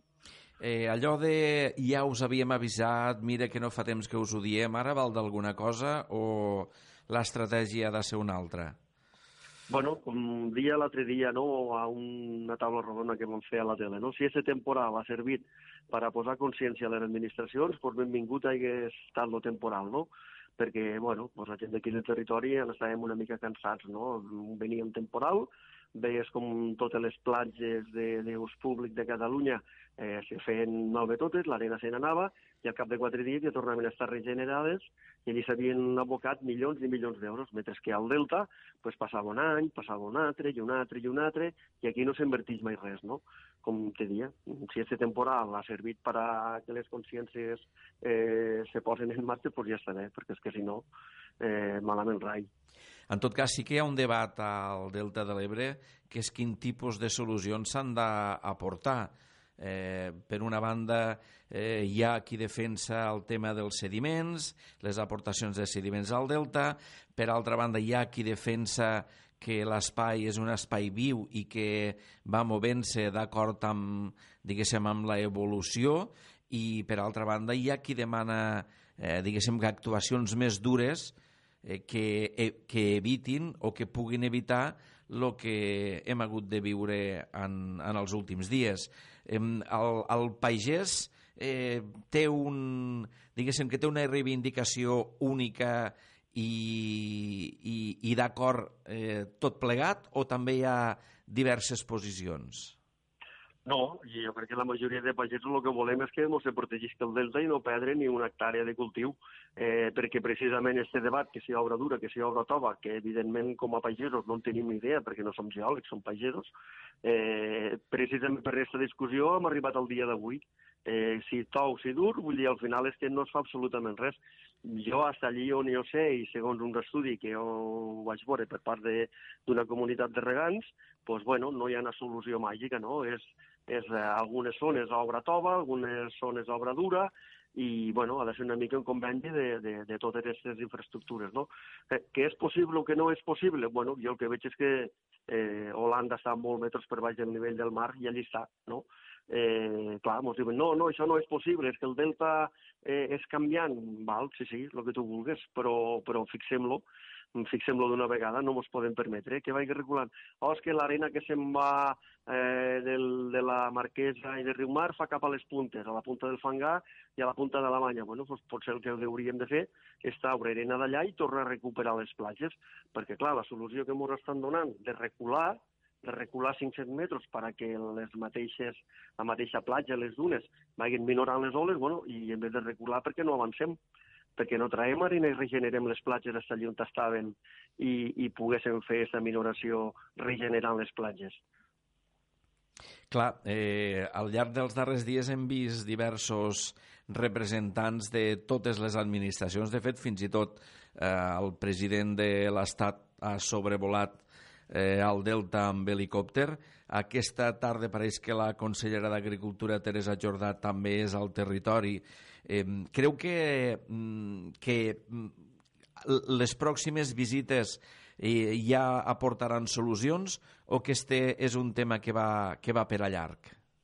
Bueno, d'entrada el que s'ha aconseguit al territori és que tots fessin pinya.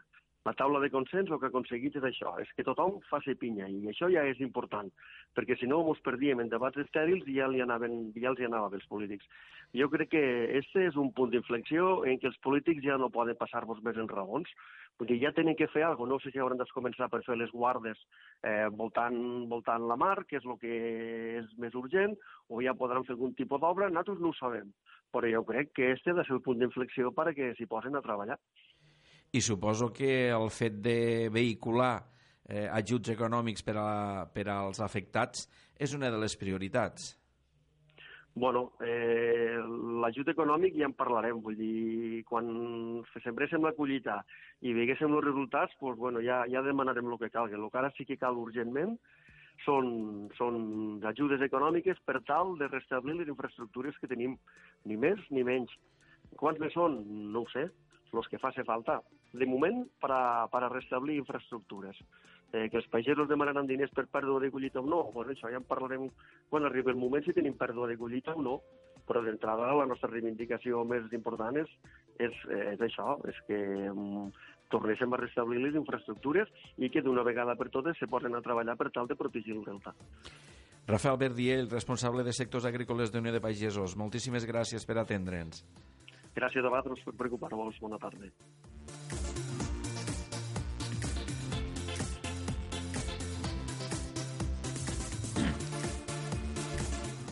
Doncs així hem conegut una mica més de l'estat en què es troben alguns dels conreus, alguns dels cultius aquí a les nostres terres.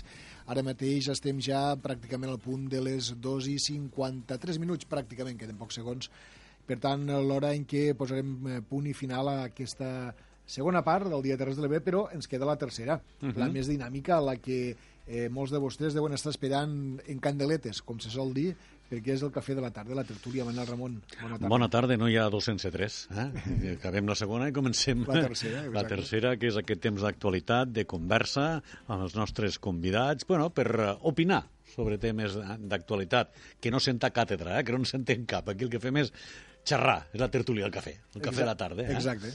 I avui, en este cafè de la tarda, en esta tertúlia, eh, dis-me quins són els eh, tertulians que, que tindràs com a convidats i també quines temàtiques abordareu. Bueno, de convidats tindrem a Salvador Bel, que ens acompanya regularment eh, per donar-nos la seva opinió des de peu de carrer, mm -hmm. des de Ciutadania, tindrem a Bifredo Miró, sabeu, sindicalista i polèmic, i després tindrem a Pep Simó, periodista i també actualment dedicant-se a la política, que ens aportarà el seu punt de vista sobre tots els temes d'actualitat. Perquè la pregunta la faig jo.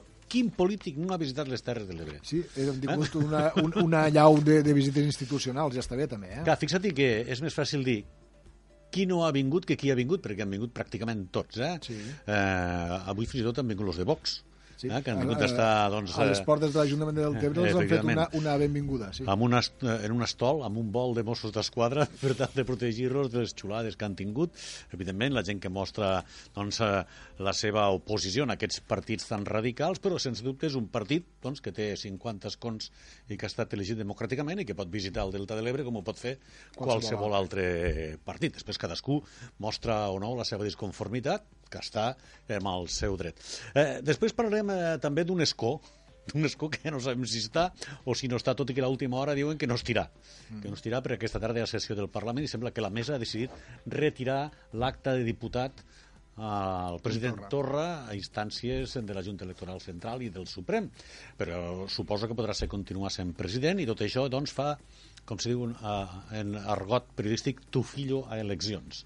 Ja veurem si és així o no, perquè evidentment Esquerra Republicana i Junts per Catalunya no estan en el seu millor moment de, de com dir, una relació, Relació. i, ide, idíl·lica uh. -huh. dintre de l'independentisme.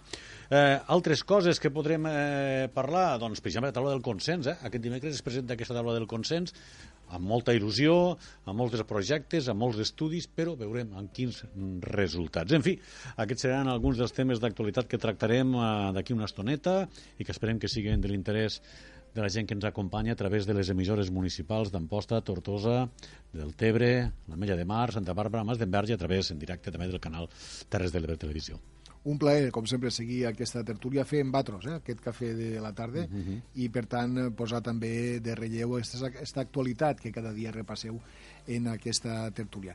Com deies, Manel, això serà a partir de les eh, 3 i 4 minuts exactament, uh -huh. després del butlletí informatiu de la xarxa de comunicació local de Catalunya i res, eh, molt bé, que vagi molt bé, fins demà. Gràcies, fins demà, Josep, per reveure-ho, fins ara.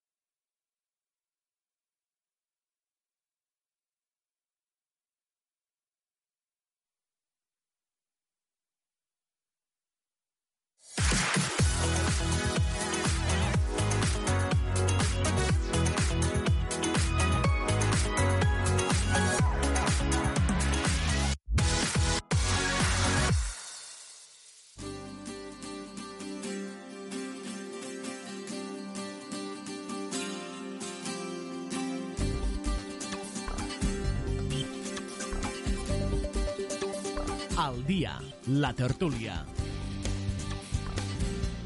Què tal? Molt bona tarda. Encetem setmana i encetem tertúlia aquí a la sintonia municipal de les emissores municipals de les Terres de l'Ebre, des de Tortosa, Amposta, del Tebre, la Mella de Mar, Santa Bàrbara i Mas d'Enverge i també a través en directe de les càmeres de Canal Terres de l'Ebre Televisió en aquesta jornada en què hi han decisions importants al Parlament de Catalunya. Ja ho saben, la mesa del Parlament acaba d'acceptar la retirada de l'acte de diputat de Quim Torra.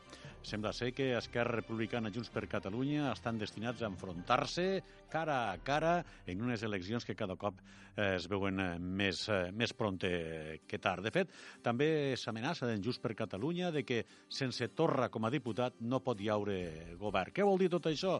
Doncs que en les pròximes hores veurem ja moviments tàctics, teòrics, polítics eh, de tots dos partits que doncs, opten, un i l'altre, a ser la força de referència a Catalunya. Aquest és, sense dubte, el tema d'actualitat, la última hora, una última hora que també passa, evidentment, per les visites polítiques que hem tingut aquests darrers dies al nostre territori. Mai havien passat tants polítics en tan poc temps per les terres eh, de l'Ebre. Malauradament ha tingut de ser arrel del temporal Glòria que ha arrasat part de les infraestructures costaneres del nostre territori. Des del president de, del govern, que va passar en avió, bueno, millor dit, en helicòpter, però després va aterrar a Benicarló, on es va reunir amb alguns alcaldes del territori, com Joan Castor de Sant Jaume, fins a responsables de Vox, que avui han visitat també del Tebre, passant per la consellera, que està també aquí avui, pel president de la Generalitat, Quim Torra, que tornarà el dimecres a la taula del consens, pel ministre de Sanitat, per la delegada del govern, pel subdelegat del govern,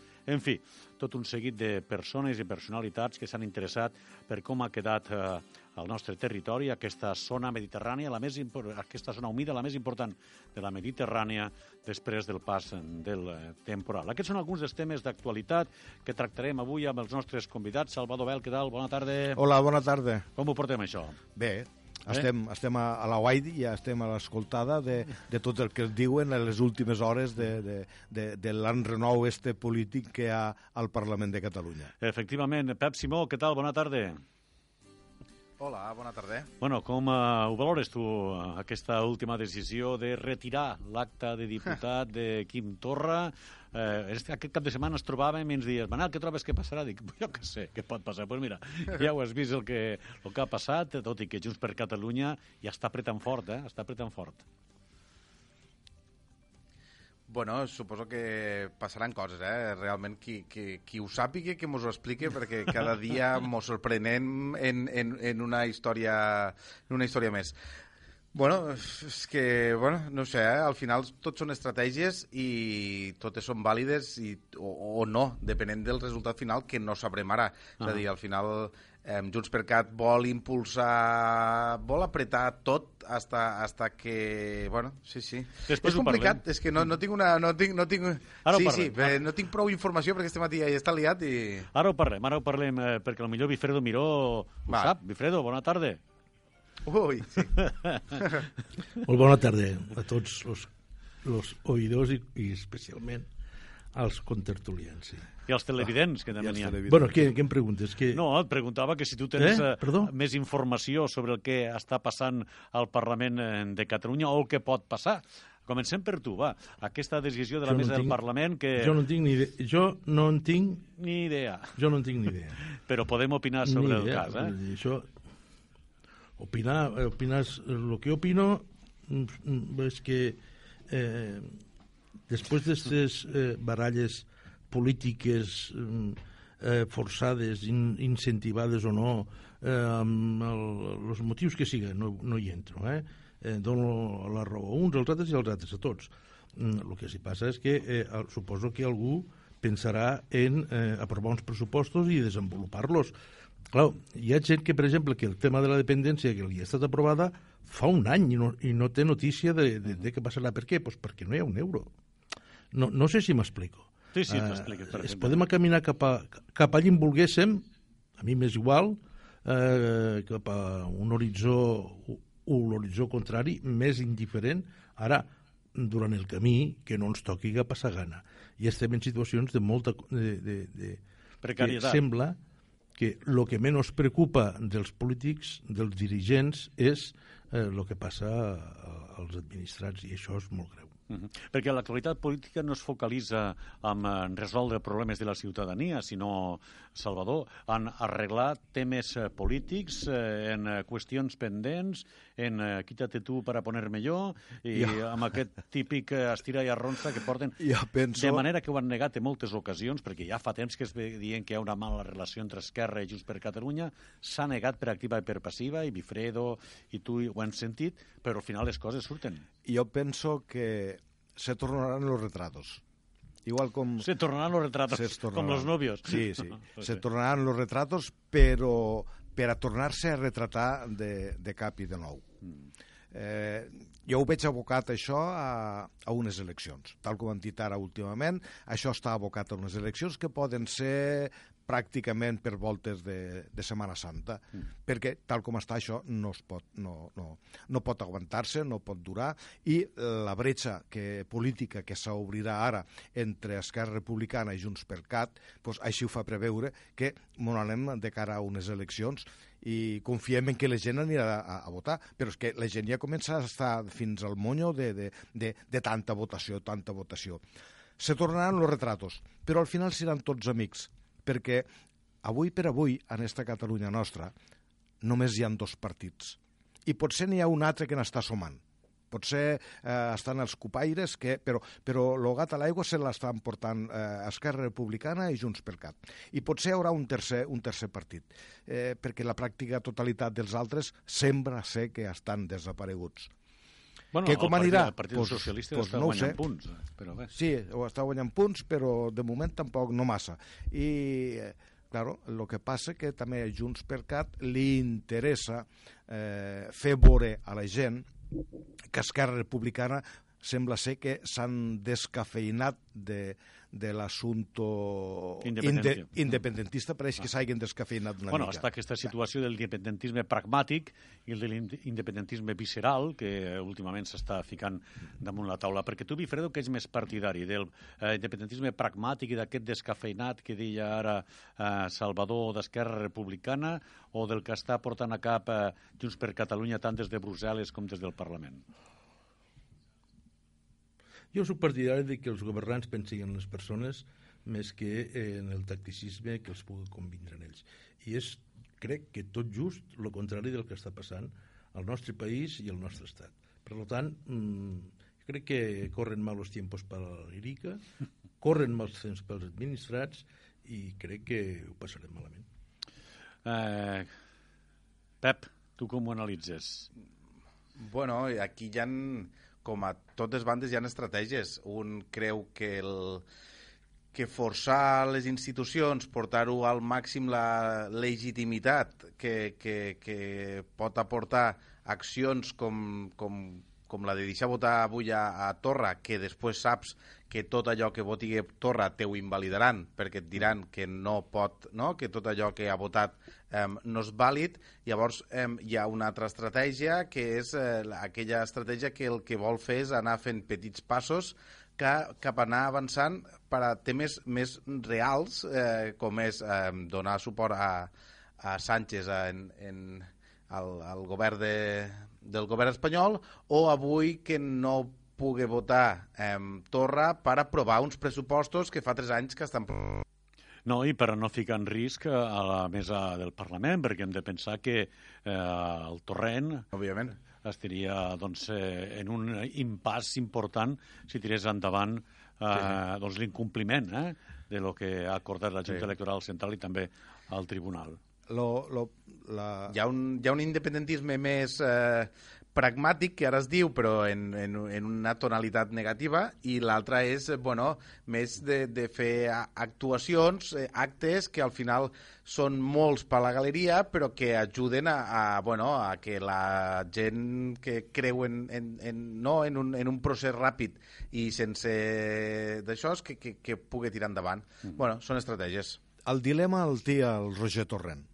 El Roger Torrent té eh, el neguit de que si la Junta Electoral Central ha destituït Torra, sap ben bé que encara que el Parlament el reivindique, mm. però el qui mana és la Junta Electoral Central i el qui mana és el govern de la nació. I si no, acata, tal com jo a micro tancat li he dit al company, eh, la perdigonada li anirà tota per damunt del, del torrent.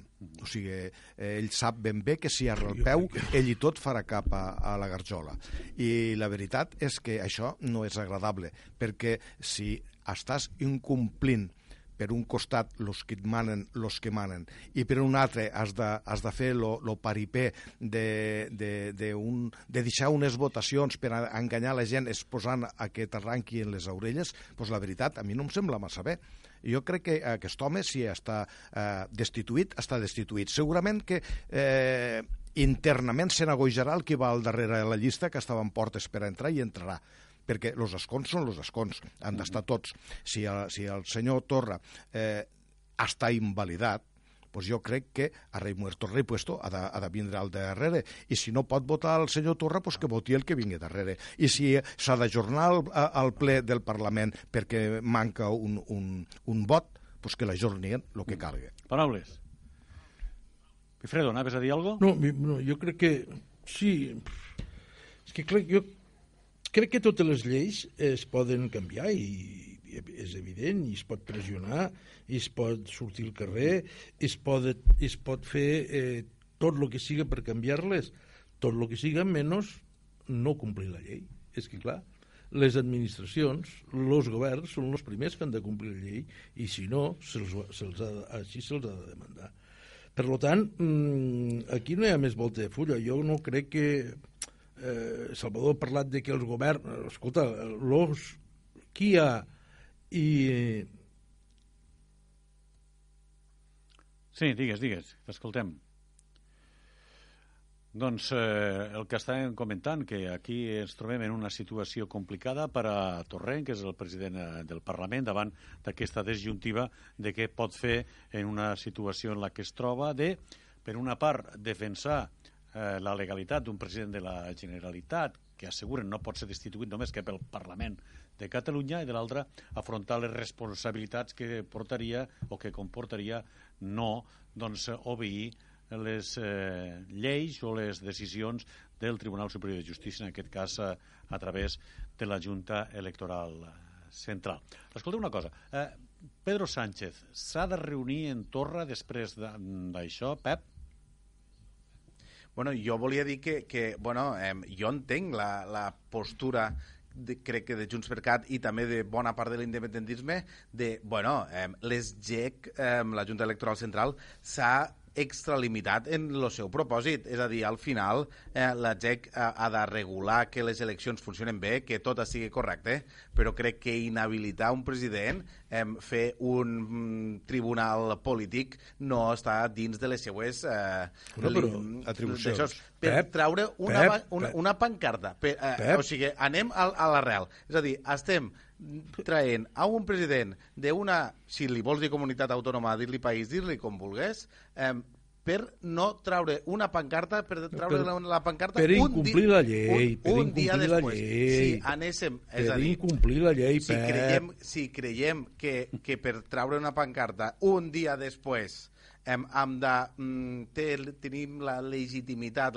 té la legitimitat de traure i posar presidents, estem arribant a punts... No facis greus. demagògia, que això no és Home, així, home. home, és això no és així. així. Dit això, això- no és així. No, home, això claro. no és així. Hi ha No. hagut un recurs per part del president Torra i el Tribunal Superior de Justícia no ha volgut aplicar eh, la, la, la cautelar i, per tant, de moment, si li retira l'acte de, de, de diputat. Bueno, no diu res, no diu res que eh, tinga que plegar de president i, per tant, continua sent Sí, president. però com- com Serà suposo- president fins... Serà president fins quan? Fins que eh, el govern central digui s'ha acabat de ser president? Perquè ara ja s'ha acabat, si no té l'acte de diputat, pues segurament que tampoc no això, pot ser. No com se pot president. ser? Això, això és mentir sapiguem que és mentís. Ja n'hi ha prou d'això, home.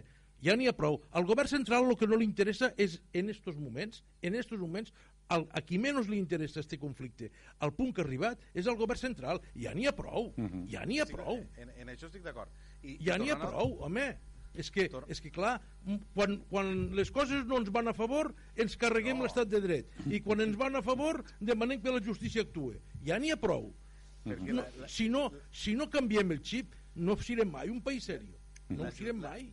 La justícia és aquella que el PSOE també sap que s'ha de canviar perquè fica el fiscal eh, que no? la, la jefa dels fiscals serà la, la exministra. Però fiscal què és el Ministeri És- és- Fiscal? és a dir, és que, claro, final, ja està bé, Pep. sa- ja sabem- està bé. sabem que la Una justícia- cosa, mira, Pep, Pep, funciona com Pep, funciona. Pep, Pep, Pep, si, si el que pretens és tirar-nos merda uns als altres, no, ne tenim molta però... per a tirar-nos. Però a la Constitució que s'havia d'aprovar en les lleis del setembre, no és que es nombrés el fiscal general de l'Estat, que és el representant de l'Estat a tots els punts de la justícia, perquè, però no són els que dicten les sentències. Les sentències les dicten els jutges, ¿vale?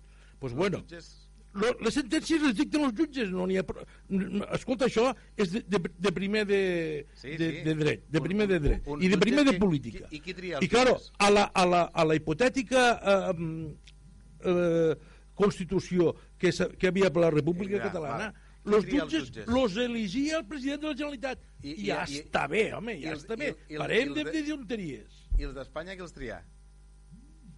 Pues los tria el Parlament una part i l'altra el, el, el, el, el, El Tribunal Supremo. En fi, que no acabarem mai això. Eh? Escolteu una cosa, la pregunta que li havia fet jo a Pep te la faig ara a, a tu, Bifredo, i després a Salvador. Creus que Pedro Sánchez s'ha de reunir mica. Torra? És que, és que claro, llitja una mica. Llitja una mica. Vale. Llitja una mica. bueno, vinga, va.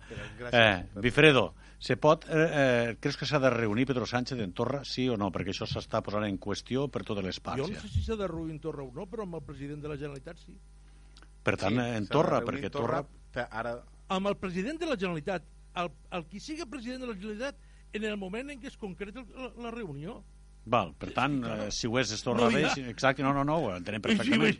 i, i si no és, no, i si no és president no es podrà reunir ningú i, i després de les eleccions s'haurà de reunir amb el president que trie el, el, el Parlament de Catalunya És De, claro, de totes maneres, és una cosa que és tan elemental que jo no entenc Uh -huh. de totes maneres, la, la presidenta del PSOE, la Cristina Narbona, Mm.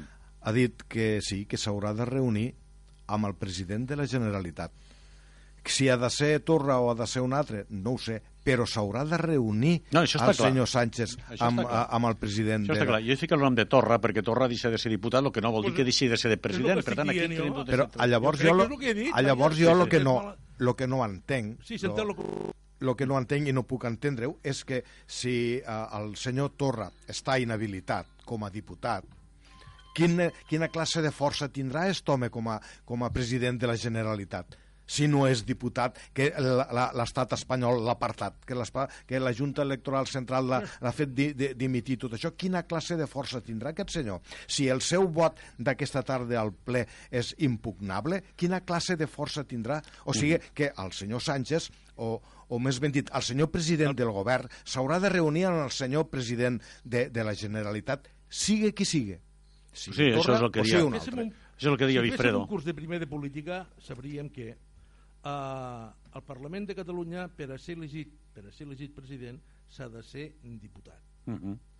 Normal. Eh, però, però no diu però no diu què passa si una volta s'és president deixes de ser diputat i per tant, com no ho diu, se Mhm. segueix sent president al Parlament d'Espanya, per exemple, un podria ser president del govern sense ser diputat perquè no és condició necessària ser diputat per a ser president del govern. Per tant, qui, qui votarien el president del, el president del govern d'Espanya, com ho fan ara, són los, los diputats, independentment de que el candidat siga eh, diputat o no.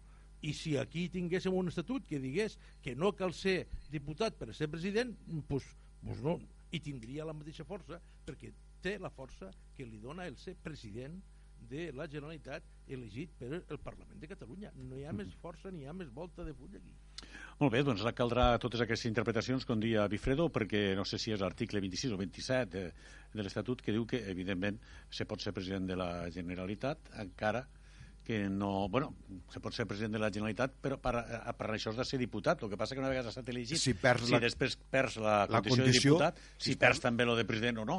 Que en principi això suposa que serà motiu d'un altre debat que es farà a través eh, de tots els estaments jurídics haguts i per haver. Los, los lletrats del Parlament han dit molt clarament los lletrats del Parlament han dit molt clarament que això no, no comporta la pèrdua de la presidència de la Generalitat. Això, aquest informe és claríssim. Per tant, el eh, senyor Torra podrà estar defensant els pressupostos intervenint tant com cregui oportú com a govern, el que no podràs votar. Amb vot o sense No vot? problema. Sense vot.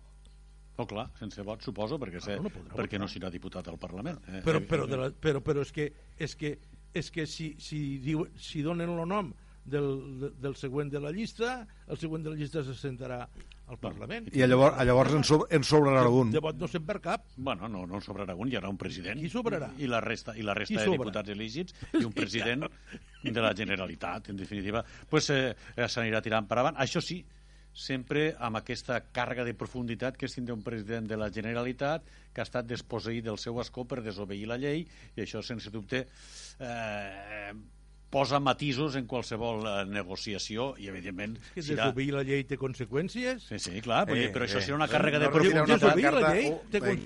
I això tot... serà una càrrega de profunditat que tindrà els grups de l'oposició per ficar damunt la taula cada punt. Pep, eh, respecte al tema, vols afegir alguna cosa? Tenim a Pep? Normalitat d'unes... Sí? Sí, sí, Me sí, sents? sí, sí, sí, digues, digues. Hola. Sí, sí, sí. sí. sí. Ah, vale. No, que Sí, estem, sí, acce sí.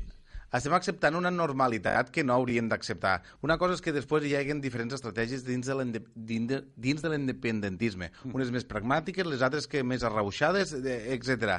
Però no podem tolerar acceptar coses com eh, traure el- l'acte de diputat per no traure una pancarta. Perquè No, al no, final per qui incomplir- fica, qui fica l'acte la de diputat és la ciutadania de Catalunya i és Sí, aquell qui l'ha sí. votat. Perquè és que si al final les GEC poden anar ficant i traient si els diputats, llei, jo és, també- és, jo- és que acabarem... Perdona. Bueno, No, espera, espera, espera, Bifredo. si el el, que- el president que de la pa- Generalitat- Sí, sí, espera un moment. Però si el Clar, president de la és que, Generalitat és se que hi ha... saltar És la que... llei, jo també...